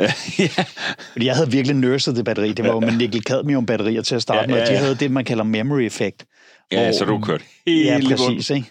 Ja. Og Og så skulle du faktisk ikke oplade den 100%, hvis det skal, hvis Ej, det skal der var sådan trænes optimalt, så op til nogen 90 eller, eller fanden det noget. var et eller andet. Og jeg havde virkelig altså trænet mit batteri. Og folk var sådan lidt, hvad har du haft i 6 timer? Shit, mand, det er Ja. vildt. ikke? Og det var bare på standby. Ja. Og der er vi altså i 1993. Og det, og det er den samme historie der, men altså, jeg synes, det, det, er, jeg synes, det er gæbende kedeligt. I hvert fald elbilerne. Ja, men, men det, er Ja. godt, det er godt, der er nogen, der tager faldet. De skal bare altså, lade være med at bilde sig selv ind, at de er i gang med at redde miljøet. Fordi Ja. lige nu er de i virkeligheden kun med til at gøre ondt værre. Ikke? Jo. Ligesom Greta Thunberg, og lade være med at få mig i gang med hende. Da hun skulle deltage i den der klimakonference, og hun nægtede at flyve derhen, fordi klima. Og de måtte lave sådan en løsning med, at hun blev sejlet af nogle mennesker. Og, og der var, var nogen, der lavede sådan USA et eller sådan regnestykke. Ja, jeg kan ikke huske, hvad det var. Ja, det var sådan noget helt vanvittigt. Men for at det kunne lade sig gøre, så skulle der altså der skulle anvendes seks andre fly, flybilletter til nogle mennesker, der skulle frem og tilbage og gøre ting, for at hun ikke skulle kunne flyve, hvor man bare tænker, så handler det jo ikke om praksis, så handler det om, at hun skal pusse sin glorie. Ikke? Hvor man Hvor- tænker, og hvorfor, altså det miljø, det klima, som hun påstår, hun holder så heldigt, hvorfor, la- hvorfor tager hun det som gissel i sin egen virtue, uh, virtue signaling? Hvorfor er hun egentlig... Okay, hvorfor bliver hun egentlig kendt? Ikke det. Hvorfor? Ja, ja, jeg må være der svar skyldig. Det startede jo med, at hun pjekkede fra skole for at lave klimastræk, ikke? Og så, Der stod hun helt lige nede på hjørnet, ikke? ja, nogle gange så kræver det jo bare, at der er en journalist, der interesserer sig for det, og så nogen, der ryger med på den, ikke? Altså, shit, det er spændende med hende. Skolebarnet. Ja. Derovre. som pjekker. Ja. jeg, jeg, jeg fatter ikke sådan noget. Men altså, det, det, jeg siger ikke på nogen tænkelig måde, at vi ikke skal tage klimaforandringer og, og trusler mod klimaet alvorligt. Jeg siger bare, at jeg synes, vi skal placere vores fokus der, hvor det giver mening. Skal Og så har jeg nogle gange svært ved at tage de folk, der tager det alt for alvorligt, særlig alvorligt. Fordi det er jo tit teenager, som er sådan helt... "Nå", Og sådan, men de vil gerne have deres iPhones, de vil gerne kunne bestille ting på Wish, de vil gerne med deres forældre til Maldiverne, og, Ja, ok. og de vil ja. gerne gå i Levi's, der jo altså ikke bliver syet i brænde, vel? Ja, ja. Altså, de, vil gerne, de vil gerne have alle goderne ved det, Ja. men samtidig så vil de også godt skyde skylden på os. Ikke? Jo. De har nyt at have du ved, fladskærm i nakkestøtterne på deres forældres bil, på alle deres ja. køreture som børn. Ikke? Jo. Det har de nyt godt af, og Ja. nu er vi de store sønner, ikke? hvor vi tænker, jeg tilhører trods alt en generation, hvor det var fuldstændig uhørt at smide affald fra sig på gaderne, ikke? hvor Ja. man reparerede ting, der var gået i stykker, hvor Ja. man arvede tøj fra hinanden. Ikke? Jo. Og det skal jeg heller ikke spille heldig over, fordi det var jo ikke min beslutning. Jeg ville sgu også hellere have haft nyt tøj. Men sagen er bare, at de har nyt godt af det, de nu bebrejder vores generation. Der, Og så kan jeg jo så trække den, der hedder, prøv at høre, jeg har ikke børn.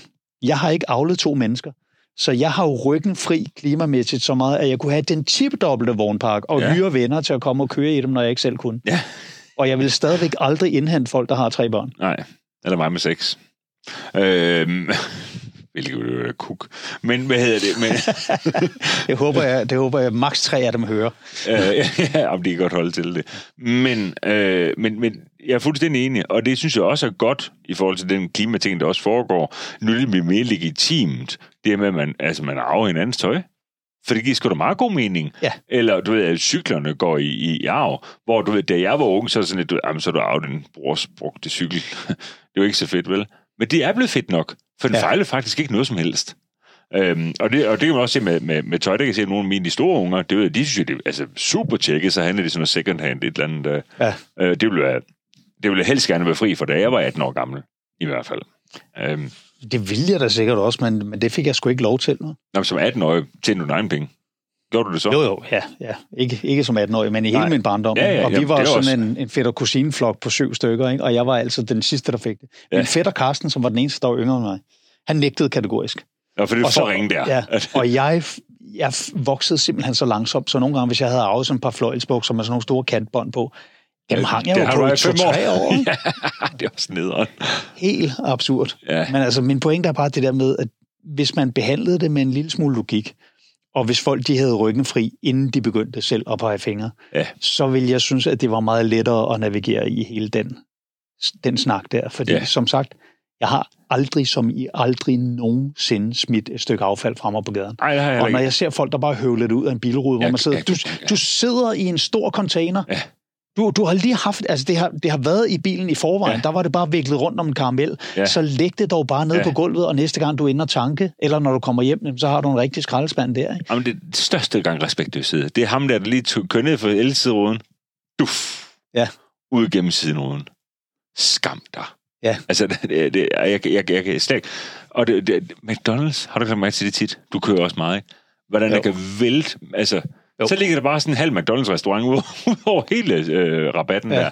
Og jeg, jeg kommer aldrig til at forstå den mentalitet, men lige snart det er ude af ruden, så er det ikke deres problem længere, ja. Ja. hvor man bare tænker, nej, nu har du gjort det til alle andres problem, Ja. altså som i alle andre i verden, undtagen dig selv. Ikke? Ja, ja jeg er fuldstændig enig. Det er Ja, super usympatisk. Ja, folk skal opføre sig ordentligt.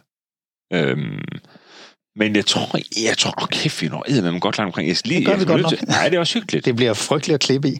Nej, for det skal ikke klippe, vi klipper ikke i det her. Så lev med det. Godt. Det er meget nemmere. Det er jo bare, det er jo min virkelighed. Og så er rundt og snakke med mennesker, jeg synes, der er spændende. Øh, motorsport. Ja. Den skal vi lige snakke lidt om. Hvad har du kørt? Jeg har kørt det, der hedder Dasu Youngtimer Cup. Ja. Som er... Altså, Youngtimer, det beskriver ikke dem, der kører det.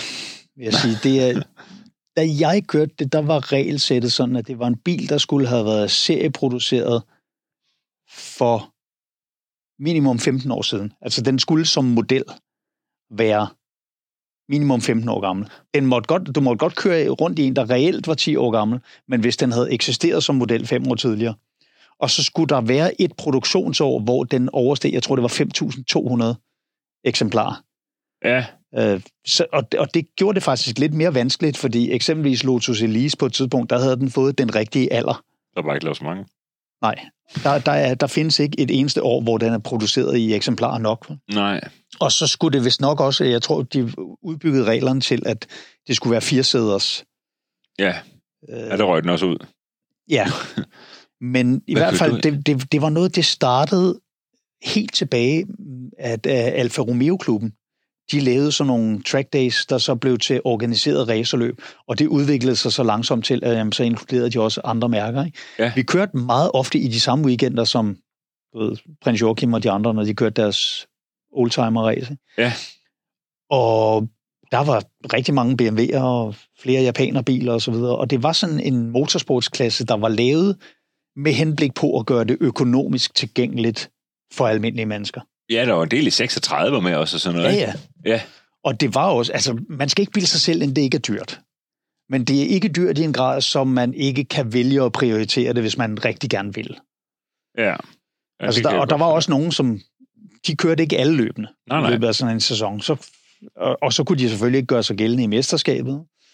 Øh, Det kunne jeg så heller ikke af flere årsager, fordi jeg aldrig nogensinde nåede at blive god nok, og så fordi, at løbende de oftest ligger i weekenden, og det er næsten altid der, jeg arbejder. Ja, Det var også direkte derfor, jeg valgte at stoppe til sidst. Da jeg havde haft en hel sæson, hvor jeg nåede et løb, Ej, det, der det tænkte er jeg, for træls. ah, altså. Men der skete desværre også det, at nogen, der, så var der nogen, hvor budgetterne stak lidt af, fordi der var heller ikke nogen kontrol med det. Så lige pludselig var der folk, der havde købt en BTCC-bil fra England, ikke? og så lige tilpasset den reglementet, ikke? og Så de ingen sgu. havde en chance. Vel? Altså, Ja, det, var, det var som to forskellige planeter. Ikke? ja, Men det var bare skideskægt, og Ja. lidt af det der med handicap i golf, vi var inde på tidligere. Jeg kan huske, der, der var en gut, der hedder Anders Tage, som havde kørt en del rally tidligere. Meget bedre kører, end jeg var. Han kørte i det, der hed Division 3. Vi kørte tre divisioner samtidig, ja. og der var ikke nogen forskel i forhold til, hvad du måtte gøre ved undervogn og bremser og chassis og så videre. Det eneste, det var vægt-effekt-forhold. Ja. At der var forskellige rammer, ikke? Men vi havde nogle skide gode battles, fordi jeg kørte i en Division 1-bil, der havde lidt mere power, så jeg kunne lige trække lidt fra på på langsiden. Og hvad var det? Det var en RX-7. Ja, Axios. Det var faktisk en ret kendt RX-7. Det var den, der blev kaldt Isbjørnen, som... Øh, du kender Janus Tolstrup, ikke? Jo, Og han havde jo importeret den på et tidspunkt, den, Ja. og den har været i VMAX. Den købte jeg, og den øh, og, by, og den til byggede det. jeg om til, Ja, nå, sjovt. Ja, så den sorry. passede ind i reglementet. Ikke? Ja, det var lidt indspark. Ja. Så du gas op. Axion. Ja, og så øh, kunne jeg lægge lidt afstand til ham, og så på The Crinkly Bits, der fik han så indhentet mig lidt, ikke? og så Ja, ja, kunne jeg forsøge at trække fra igen. Og på den måde, der kunne man sådan, du ved, med For nogle forskellige... fede battles. Ja, få nogle virkelig fede battles. Ja. Og det, altså, det er jo skideskægt. Men udover det der med, det lå i weekenderne, så var det jo altså også bare det der med, at jamen, altså, ofte så brugte man torsdag aften på at pakke sammen Mm. og øh, gøre klar til at komme afsted. Så tog man gerne afsted fredag, fordi så kunne man få overstået teknisk kontrol der. Lørdag morgen, jamen, så havde du så en tidtagning på 20 minutter, og så havde du et heat senere på dagen på 15 minutter, og så to heat af 15 minutter om søndagen. Og så kom man hjem søndag aften og var helt balleret, men skulle altid igen lige pakke alting væk, ikke? og så har du brugt benzin og bro, og broen var dyr, fordi du havde en autotrailer på. Ja. Og når man så alligevel ikke kan nå så mange løb, så opdagede jeg lige pludselig, hey, hvis jeg nu tager en track day, Mm. så er jeg ude og hjemme på samme dag. Ja. Jeg giver kun 2400 kroner for det, Mm-hmm. og der er bare åben pitlane i 5 timer, Ja. hvor jeg kan få rigtig meget køretid. Og ja, ja, konkurrenceelementet mangler, men det betyder så til gengæld også, at folk de kører en lille smule pænere. Ja. Ja. Ved dem, der er på track days, de vil gerne have bilen med hjem. ikke? Ja. Det, er der, det en ting, der strøg mig lidt mod hårene i det andet der, det var, man kunne se på folks kørsel, hvordan deres budget var. Ja. Og det er jo klart, en eller anden, der har en fire generations vognmandsforretning, der har olietønder fyldt med sorte penge stående? Ja. og i øvrigt har tre reservebiler med ind til deres Ja, ja. primære bil, ikke? og en stab af mekanikere ansat, så hvis der, hvis der sker noget med den, så stiller de den så bare og siger, at den skal være klar på næste øh, lørdag, ikke? Fordi sådan, og jeg stod med hele regningen. Ja. Jeg havde ikke engang en assistent med ud, så når Ej. jeg havde været ude og køre, og jeg skulle tjekke dæktryk, så var det ind i pitten, og så spurgte ud af bilen og ud og tjekke Ja, at inden det begyndte hele. at Ja. køle af. Ikke? Jo. Og jeg havde ikke engang på det tidspunkt et værksted at stå. Så Nej. jeg skulle ud til mine gode venner Torben og Sebastian på deres værksted, når de lukkede. Ja. Så jeg kom derud ved aftentid, og så skulle jeg altså være væk igen klokken 8 næste morgen. Ikke? Jeg har fandme stået mange nætter derude Jeg tænker, hvad er så gør lige det her? med regningen selv. Ikke? Og det gør bare altså, at man, man mister lige de der 5 procent. Ja. Hvor man tænker, ah, jeg holder mig lige ud af den battle her, fordi jeg vil sgu hellere have bilen med hjem i en takt stand. Ikke? Så på en eller anden måde, så virker det lidt kon- konkurrenceforvridende, men det har jo også noget med mig at gøre. Fordi jeg ved jo godt, jeg kan huske, jeg har, jeg har sagt det her til Nicolas Gisa, jeg tror ikke, at du bliver en, en god racerkører, uden at være en dårlig taber. Nej. Jeg tror, de skal have sådan en alt eller intet mentalitet med, der ikke er noget, der holder dem tilbage. vel? Og der har jeg, jeg har for meget mekanisk sympati. Ja. Altså, jeg varmer jo bilen op, inden jeg begynder at krudte den af, ikke? Ja, ja. og jeg, Ja, ja. jeg trækker mig fra battles, og jeg... Og selvfølgelig hænger det sammen med, at man selv skal stå med regningen, men noget af det er også bare, at jeg, jeg synes ikke i situationen, at det er vigtigt nok. Nej. Til, at jeg vil tage chancen. Øh, jeg tror, money beats talent every day. Nej, det gør det ikke. Men Ej, et stykke hen ad vejen, der gør det. Øh, for det er samme, det er derfor, jeg stoppede med drifting. Jeg kørte i Polen til sidst, Ja. hvor jeg kørte mod milliardærernes børn. Altså, Ja. der er ikke noget at gøre. De, Det der, også, når, når de ikke skal bekymre sig om at få det ud De har også bare reserve. så- Ja. det gør for mig, at jeg sender der i pitten, og så siger Piotr, min rigtig gode ven, siger, hvad for en gearkasse kører du med? Jeg siger, jeg har sådan en 35 diesel gearkasse min. Hvorfor kører du ikke med Quafe? Fordi en Quave-kasse koster 125.000, altså. Præcis. Så siger han, det fik jeg ikke råd til det. Så siger han, Niels, jeg kører træne gangen. Jeg får en fantastisk rabat på dem. Så skal, jeg, kan bare tage, jeg kan bare tage en fjerde med til dig, mand. Og jeg sagde, du, jeg, jeg, seriøst som jeg sidder sådan, og tænker, ja, fedt. Det lyder som en god idé, du ved. Og lige inden vi simpelthen helt grebet i stemningen, du ved. Og så er sådan noget, så jeg kan få det for 110 eller sådan et eller andet. Den her har i mine koster 2500. Den gearkasse, jeg kører med. Ja. Men, men han, er jo, han er jo bare øh, altså, øh, øh, fuldstændig talblind. Fordi det har aldrig været et issue for ham. Så han synes, det er jo billigt med hans gearkasser. Men Ja, ja. Jamen, det kan jo også sagtens være billigt, men stadig være mange penge. præcis. Det er jo det, der, der er Og- forskel på, på dyrt og så mange penge. Ja. Fordi hvis du får en, uh, lad os sige, en, en Porsche 9, uh, 991 Turbo, hvis du får den for 3 millioner, så er det fandme billigt. Men Ja. det er Det er kraftigt bare 3 mange millioner, penge. ikke? Ja, ja. Men Ja. normalt skulle den koste 4,5. Hvis du køber en Passat som mit gamle slæbedyr derude, og Ja. så giver 50.000 for den, så er det vanvittigt dyrt, men ikke særlig mange penge. Ja, Det er jo et spørgsmål om, altså, hvad du får for pengene, ikke? Men, men enig. problemet er bare det der med, at når det er billigt, men stadig mange penge, jamen Ja. det kan man jo ikke bare trække på skuldrene af, hvis ikke man har de penge. Men så, det, så det er i hvert fald den ene ting for mig, Ræs, og derfor stopper det mig. Ja. Men så er jeg faktisk enig med dig. Jeg tror, vindermentaliteten sådan i, i, i ræset er forskellig. Det er faktisk først godt for mig, nu jeg startet, som jeg sagde til dig tidligere, til basketball i en alder af 40 år. Og der kan jeg se nogle mekanismer, der findes i nogle af de andre, hvor de, at de vil gøre hvad som helst for at vinde. Og de vil også gerne snyde dommeren. Og det ligger ikke, til, Nej. det ligger ikke naturligt for mig. Så de gerne fake en fejl, eller de gerne diskutere en fejl, der ikke bliver kaldt, og så videre. Og de fornemmer ved at vinde. Ja. Hvor uretfærdigt det end kan virke. Ja. Men, men øhm, Ja, men det, er jo- det er jo det, der altså, i sidste ende kommer de der kompromilløse sportsfolk ud af. Ikke? ja, Og det er jo også derfor, når jeg, jeg interesserer mig jo rigtig meget for Formel 1. Ikke? Og når folk de snakker om sådan en som Lawrence uh, Strolls søn, Lance Stroll, der jo kører. Altså, hans far ejer teamet nu, ja, og har jo hjulpet Lance hele vejen igennem. Ikke? Og hvorfor? Jamen, han har jo ikke skyggen af talent, han har bare en rig far. Hvor man tænker, altså, alene det at få den bil til at køre, kræver mere talent, end jeg nogensinde har været i er nærheden af sindssyg? og, og se ham i regnvejr, ikke? men folk vil ikke lade ham slippe for det der image. Nej. Sagen er bare, at der ikke blandt de 20 kører er en eneste kører, der ikke ville være en af de absolut bedste i Danmark. Og i alle mulige andre motorsportsklasser. Ja. Det er jo pissedygtige kører, alle sammen.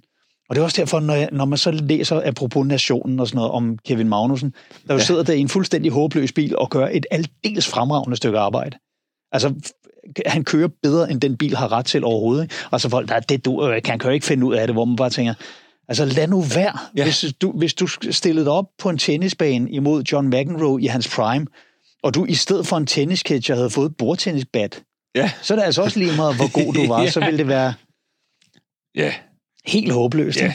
Men, men øh, øh, der skal folk gøre, altså igen. Ja. Ja. ja. Nation, folk skal Ja, bare præcis. tage lukke røven. Hvad kommer til fremtiden øh, til at bringe for dig? Kommer du til at... Øh, hvad, til dagligt, der lever du, du tager ud og... Du skriver stadigvæk noget for nogen, eller hvordan? Nej, ikke Nej. så meget mere. Jo, altså det... Jeg, jeg skriver gerne med på Linda P's shows, Ja. når hun laver noget. Fordi Ja. hun kan godt lide at bruge mig som sparringspartner. Ikke? Men ellers så trækker jeg mig jo egentlig lidt for det der, fordi det er sgu, det er lidt opslidende Ja. at se andre få æren for ens arbejde. Ja, det må det være. Og, og læse en anmeldelse af en kollegas show, hvor de fremhæver fire jokes, og samtlige fire er nogen, jeg har givet dem. Ikke? Ja, og så skulle tage ud og så optræde for du ved, en 50. 20. del af af det publikum, de andre har, ikke? hvor man ja, nogle gange tænker, I skulle vide, hvor meget af det, I har siddet og grinet af, som jeg i virkeligheden har skrevet. ja. Og så tænker jeg, jeg har ikke lyst til at være bitter. Nej. Så før jeg bliver bitter, så, så tager jeg altså lige en pause fra det her. Ikke? Ja. Og sjovt nok, så er Linda sådan lidt en undtagelse, fordi nogle af de ting, jeg skriver til hende, det er sådan noget, hvor jeg tænker, det kunne jeg alligevel ikke bruge til noget selv, fordi vores stil er så forskellig. Ja. Men jeg kender til gengæld hendes stil så godt, at jeg har meget nemt ved at skrive inden for den. Ikke? Ja. Og jeg ved præcis, hvordan det vil lyde, når det kommer ud af hende. Ikke? Øh, jeg håber, at Tom Chris og jeg, vi skal lave noget mere øh, sjovt ja. på TV Syd, fordi vi har virkelig hygget os med at lave ja. De der Jysk for Begyndere-programmer. Ja. Og så skal jeg bare passe mit almindelige arbejde. Skal I jo igen øh, ud og lave show sammen også, Tom Chris og dig, eller er der pause i det, eller hvad er der? Så eller? det, hver, hver eneste gang, vi har lavet Menzoom, så siger vi jo, det var det sidste. Og, så, Og det har I gjort hvor længe nu? ja, ja, siden 2011. Så vi har lavet fire shows. Ikke? Og ja. der, er jo, der er jo ikke nogen af dem, der har været korte. Nej. Og der sker bare det hen ad vejen, og vi tænker, ah, det kunne vi også have snakket, det kunne vi også have snakket om. Og, så, og det er jo heller ikke noget, der passer vores publikum dårligt, når vi annoncerer et, et nyt Menzoom-show. Nej. Og så er det også bare, det er skækkere at være på tur med en god ven, end at være afsted alene. Ja. Så der er mange ting, der taler for. Så jeg Han tror, bor, der, han bor også i også? Ja. Ja, ja. Ja, han er født og opvokset her. Ja, Ja, han bor netop. i diametralt modsat ende af byen, men det er jo stadig kun 5 meter, Ja. eller 5 minutter væk. Ikke? Ja, ja. Men det skal vi jo nok på et eller andet tidspunkt, men det er, det, der går nok lige nogle år, fordi det er jo det sidste, vi har lavet. Ikke? Ja. Og nu, har han, øh, nu annoncerer han et one-man-show lige om lidt, og så skal jeg også... Ja, han lige annoncerede det faktisk i morges, tror jeg. Nå, okay, ja. Men det er så først næste år. Kan det passe? Ja, man skal afsætte lidt tid til at, sælge billetter og sådan noget. Ja. Men øh, nej, det er... Hvis du spørger mig om, hvad fremtiden bringer, så siger jeg mere af det samme. Og det er Ja. ja. egentlig det bedste svar. Jeg, er- Så ud og underholde. Øhm, Ja. til, til, og det er alt muligt forskelligt, du kommer ud til, ikke også? Ja, ja, fordi der er jo både klubber, altså hvor folk de køber billetter til et arrangement, Ja. hvor der så nogle gange er tre komikere, og, Ja, og så er det så også firma-jobs, hvor man kan hyre mig til at komme ud og lige lave en, Ja. en halv times indslag til firmafesten. Og noget. og hvor gør man det hen? det, kan man blandt, det kan man gøre ved at skrive direkte til mig på thomas eller på Facebook, fordi jeg er freelance nu. Så man behøver ikke gå igennem et bureau. Men Nej. Man kan også gå via fbi.dk eller Timer, eller Jeg kan, jeg kan egentlig bookes hvor som helst, hvis man bare spørger efter mig. Hvordan FBI, hvad er det, det er? Funny Business Incorporated. Ja, Det er også bare et, et bookingbureau. Ikke? ja, okay. Nu nævnte jeg bare dem først, fordi det var dem, jeg på, ja. i sin tid var på Ja. kontrakt hos. Ikke? Men hvordan er det nu? Jeg var over til sådan noget stand-up nu. Øh, Hvor kæft, jeg så ringe til det her, øh, til at huske, hvad det er, ting hedder. Jeg var inde i København. I Comedy Zoo. Ja. Ja. Har du haft noget med det at gøre? Jeg har været medejer indtil for en håndfuld måneder siden. Nå, så du købt ud af det? Ja. Ja, okay. Det havde jeg ikke lyst til. Jeg, Nej. jeg har ikke lyst til at være forretningsmand. Jeg har ikke lyst til at have ansvar. Altså, jeg, jeg, be, jeg begyndte jo ikke at lave stand-up for at have faste mødetider og, Nej. og ansvar og regnskaber og møder ja. og sådan noget. Jeg gjorde det for at være min egen chef og lave det, jeg har lyst til. Ikke? Ja, Og jeg gik egentlig også kun med i den handel der for at forhindre, at de forkerte kom til at overtage det. Det, var et, det blev nemlig ejet af FBI i sin tid. Ja, Og de blev så nødt til at afhente det. Og så var vi nogle stykker, der snakkede om, at det ville være meget uhensigtsmæssigt for hele branchen, hvis eksempelvis et bureau købte det.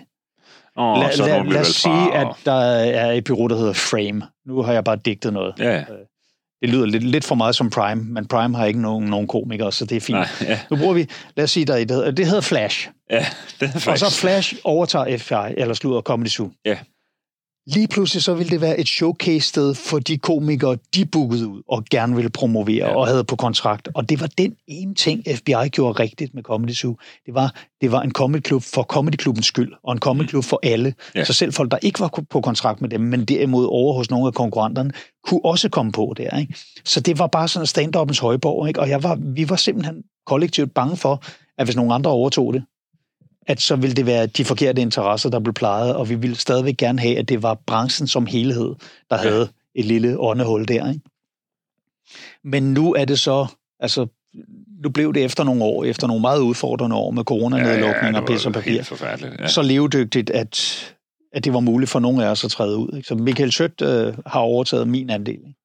Okay, så er der stadigvæk bare de gamle tilbage som ejer, der, der, var, altså, det er, det var større andel. Torben Chris og øh, Anders Fjelsted og Michael Schødt er stadigvæk medejere derinde Okay, af komikere. Ja. Dan Andersen og jeg er trådt ud. okay. Men det er meget sjovt, du siger det der, fordi det er også det, jeg reflekterer mest over. Jeg er selvfølgelig også, jeg er jo pisse stolt af, at det kan lade sig gøre, og drive Hire en Car, så vi har det som forretning, og vi kan aflønne folk og så videre. Men det er også den del, det er jo den del, jeg hader mest. Jeg hader. Jeg, hvis jeg kunne have et liv uden e-boks, Ja. Mit lykke gjort. Og jeg, jeg vil sige det så kort. Hvis jeg kunne have et liv uden Facebook. Ja. Men i mit erhverv er Facebook desværre efterhånden et nødvendigt promotion-værktøj. Ikke? Jo. Jeg vil jo helst være så meget off the grid som muligt. Omvendt, hvis så ikke jeg havde mit arbejde, så ville Facebook ikke være lige så irriterende. Nej. Uh, fordi så kunne jeg jo bruge det på det der plan, hvor de eneste, jeg var venner med, det var folk, jeg rent faktisk var venner med. Ikke? Og, og, det, og det er jo ikke fordi, der går noget af mig ved at være venner med folk, jeg ikke kender. Ja. Det betyder bare, at der dukker en masse ting op i mit feed, som ikke har det fjerneste med mig at gøre, som ikke er i nærheden af, at jeg interesserer mig, og hvor jeg tænker, på den måde gør det faktisk Facebook overflødigt for mig. Jamen, jeg er fuldstændig enig. Jeg, Udover lige ja. til det der med promovering, ikke? Jo, fuldstændig. Jeg laver heller gerne i, i mit øh, feed, og så når nu er en ny video, eller nu et eller andet, ikke? Altså det, Fordi... Og jeg kan, også, jeg kan ikke hisse mig op over det, fordi Ja, folk det de kan fint. lægge de Jamen, ting det- op, det- de vil. det- Det interesserer alt mig bare ikke. Nej, jeg, er- jeg, er- jeg er fuldstændig enig. Ja. Øh, og der synes jeg faktisk, at Instagram virker lidt bedre. Ja. For der kan jeg gå ind og følge jo dem, som Ja. jeg har en relation til. Jeg har I det stedet på for. nøjagtig samme måde. Ja, øh, der er Facebook sådan lidt... lidt øh, jeg vil sige, og det er fint, jeg er glad for min Facebook, det skal ikke misforstås, men mit feed, det er jo primært lastbilchauffør og sådan nogle tune scooter, og du ved, sådan lidt forskellige, og det er jo også Jamen, fedt nok. eftersom jeg, jeg var jo ikke... Jeg, jeg troede sgu ikke, at der var basis for, at jeg decideret kunne lave en fanside, så jeg lavede bare en almindelig profil, Ja, ja. og i løbet af ingen tid havde jeg jo 5.000 Ja, ja, det, det det betyder, her. at alt, hvad de ellers har med, nu er der gået hul i hegnet igen, og sådan nogle ting, ikke? Ja. Det, det, det er jo... Jeg læser jo verdens kedeligste avis, hvis jeg åbner Facebook, Ja. som bare handler om almindelige menneskers, nogle gange ret kluntet formulerede problemstillinger. Ja, ja. Og man bare tænker, det kan godt være, at Yvonne derfra, hun engang har været inde og se mit show, og derfor har anmodet mig. Ja. Men jeg er virkelig ligeglad med, at tagregnfirmaet har brændt hende af for tredje dag i træk. Ja. Altså, Ja. jeg ved godt, at det er et problem for hende, men jeg synes, jeg har andre... Ja, du ved Sort præcis, kan mener. væk øh, 62 10 tønder. Ja, præcis. Ja. ja. Hvis det var i tre- altså 73-23, så ville jeg da holde øje med den sorte kat, ikke? Ja, ja, Men ja, jeg tænker, ja. jeg kører altså ikke til Holte for at lede efter Emil. Nej, jeg er fuldstændig enig. Men det er sådan, der, der kan Instagram lidt mere. Men den nærmere fremtid. Jeg Ja. har i år sat mig for at virkelig sagt, det her, det skal være året, hvor jeg når ud til nogle flere træf. Ja. Fordi det her er noget, jeg allerede inden corona i nogle år ligesom forsømte. Ja. Og jeg ved egentlig ikke rigtigt, hvorfor. Jeg tror, noget af det også hænger sammen med det der med, så ved man bare, der står sådan en kommandocentral med, med, Ja. ja. med 12 og skat. Og, Ja. og det er jo ikke nødvendigvis, fordi man kommer i noget, der er ulovligt, men hvis de nu beslutter sig for at have mistanke om, Ja, at ja. ens fuldstændig standard, eksempelvis min i 97, den er nøjagtig, som da den forlod fabrikken, Ja, ja, ja. ja. bortset fra fælgen. Ikke? Ja, ja. Men hvis de nu beslutter sig for, "Nå, men så kan vi lige statuere et eksempel med en bil, nogen kan få øje på, ikke? og så skal man have diskussion med dem. Ikke? Så det har altså gjort, at jeg, det, det har sgu desværre skræmt mig lidt væk. Ikke? Jo. Og så har der været de der år, hvor det var umuligt at Ja. blive samlet. Og det Og det er forfærdeligt, virkelig noget, jeg savner. Det Corona er, ja. 2021, og så, og så, så havde vi øh, bare pisår med beslaglæggelse i 2022, og derfor Ja. siger 2023, det skal være vores år. Altså, ja. nu, nu skal vi ud. Vi skal, vi skal til det fede træf. Vi var lige til motorshow udstillet dernede. Det var fantastisk. Ja, jeg vil også godt. gerne. Det er jo Ja. ikke så langt herfra. Nej, så. nemlig. Men øhm, der skal du komme næste år. Og så har vi autoshow med Martin til, til sommer selvfølgelig. Og så kommer vi også til at holde et par gode træf. Jeg skal nok med bare sko dig og, og lytter selvfølgelig. Øhm, vi kommer til at holde nogle, nogle gode fede træf. Altså med, med noget kvalitet. Øhm, ikke, altså forstå mig ret. Kvalitet er i forhold til det, jeg leverer. Folk skal komme med den bil, de synes, der er fedest. Det er Ja. ja. det, jo, ved du også godt, det er pisse ligeglad med. Men, men øhm, ja, øh, du ved, den bunderøv. Du ved, der kommer nogle rillepøller og noget. Det bliver fedt. Ja. Altså biler, som entusiaster synes er fede. Ja. Det er jo det. Jeg, jeg har jo sådan en fast plade, jeg sætter på, når jeg skal beskrive Tokyo Auto Salon, hvor jeg har været en håndfuld gange. ja, Det var virkelig sådan en drøm for mig, ikke? Og første gang, jeg kom dertil. Og når jeg så siger til folk, det er, jamen, det er en stor årlig biludstilling i Tokyo, og så føler jeg, at det er nødvendigt for mig lige at forklare. Og det er altså ikke ligesom, du ved, ude i Bella Centeret, hvor her er den nye Kia, den går langt på literen. Nej, nej, det er alle de klassiske japanske sportsvogne, og så alle tuningsfirmaernes nye fælge og, Ja.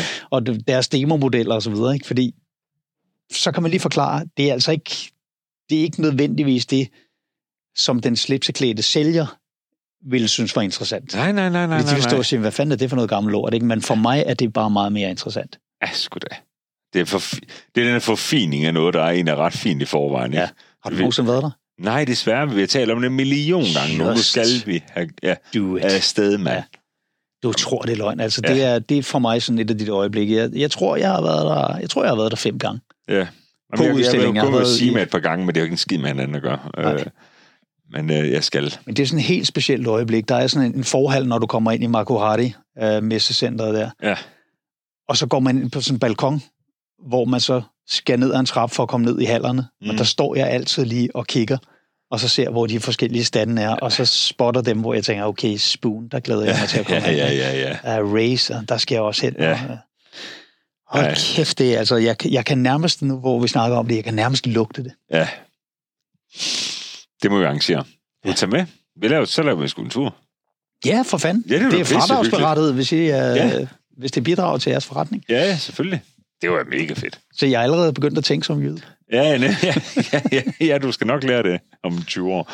Øh, jeg er selvfølgelig ved at tænke på, hvem der kunne sponsorere turen for os, og vi kunne lave den fradragsbrætte på samme tid. Det er fordi, jeg er født i Jylland. Men, men nej, jeg tænker, at det er også godt galt ned, fordi hvordan, ved det, hvad du ved det, hvad skete der med Ibisu? Øh, overlevede området? Der var alt det der... Jeg tror, banen er genopbygget. okay, øh, og jeg fordi tror- det blev smadret, ikke også? Jo, Ja. det blev ret smadret.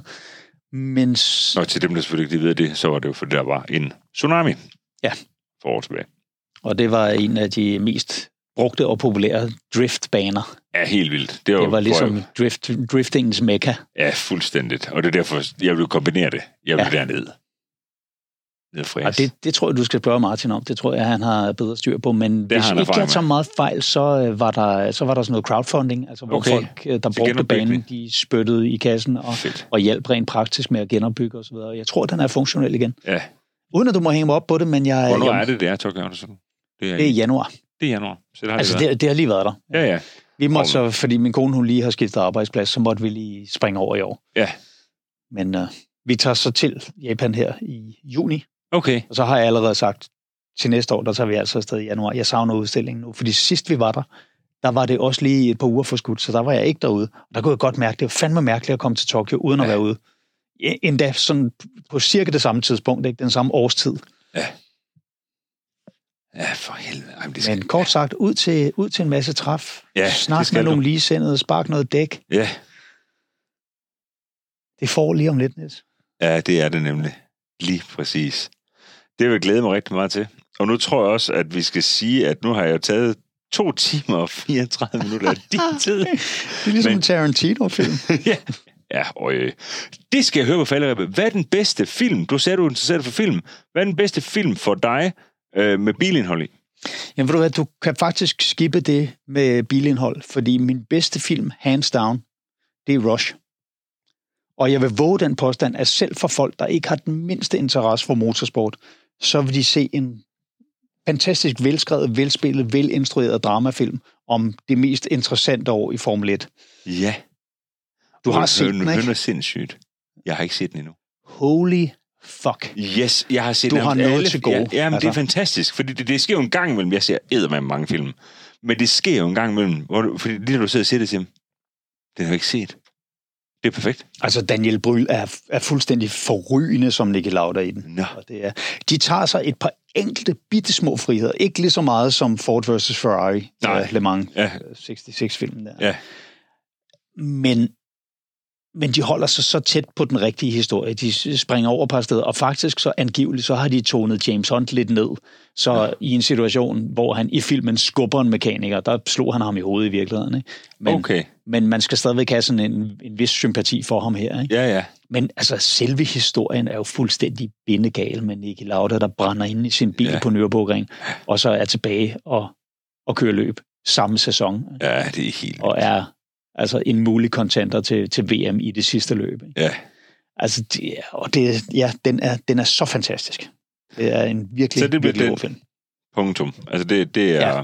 Så selv hvis du ikke havde sagt det med biler, det Ja. er, Så var det den alligevel. Og selvfølgelig, jeg kan ikke svare dig på, fordi jeg kan ikke både være mig og være en anden. Så jeg kan ikke svare dig på, om den vil have betydet lige så meget for mig, uden bilindholdet. Nå, ja, selvfølgelig det er- er hjælper det, at det er et emne, man... Og så, Jo, jo. og så kan jeg jo... Altså, jeg er jo gammel nok til, at nogle af de løb, de viser klip fra, der, har jeg pludselig sådan en flash af, fuck, det der, det har jeg siddet og set på. Ja. Altså som helt... den- Dengang, der viste jo ikke en hel sæson. Der var det sådan udvalgte løb, Ja, pist og ja, ja. pist, der blev vist. Ikke? Den, øh, Hvilket det er jo godt, også det er jo godt tip en- til ja. mig, om ikke andet. Ja. Det spiller også en lille rolle i filmen, at, øh, at øh, det japanske løb, finaleløbet i 76, at det regnede helt absurd meget, men de ville ikke aflyse det, fordi der var solgt tv-rettigheder. Nå. Så den slags interesser, ikke? Ja, ja.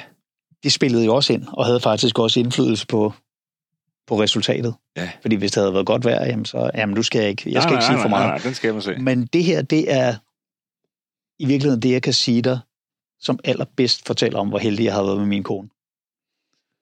Jeg er, jeg er utrolig glad for min kone. Mm. Jeg, er- det, det er helt absurd efter mere end otte år stadigvæk. Jeg elsker hende ikke bare, jeg er forelsket i hende. Ja, Og det, er, det troede jeg ikke kunne lade sig gøre. Vel? Og det kan godt være, at folk de tænker, Buah. men nogle af jer, hvis I er bilfolk, ikke? så skal I vide det her. Jeg har grædt over en fødselsdagsgave en gang. Ja. Trine kom og gav mig et øh, pitskilt, som er med i filmen, er det rigtigt? som er købt på det, der hedder Prop Store, Altså, det, hvor de sælger ja. rekvisitter fra film. Det selv samme skilt. ah, det er stærkt. Og jeg ved, hvor det skal hænge i min garage, men det er ikke kommet op endnu, fordi det skal være det sidste, jeg hænger ud, når min nye garageafdeling er færdig. Fordi det skal ikke hænge ud i en, en, en ufærdig garage. Nej, nej, nej, nej. der, der tudede jeg, der blev jeg Ja. så rørt, at jeg, at jeg græd. Ej, det er også godt, det er godt set af hende, ikke? Det er virkelig godt sagt. det er lige skabet. Ja. Men med det, Thomas, så runder vi af nu. Øhm, og det eneste Lauke, du skal redigere den her, nu skal du sætte en outro på, for det gider jeg ikke. Nu skal vi kigge på din garage. Ja, Fedt. Tak fordi I lyttede med. Moin.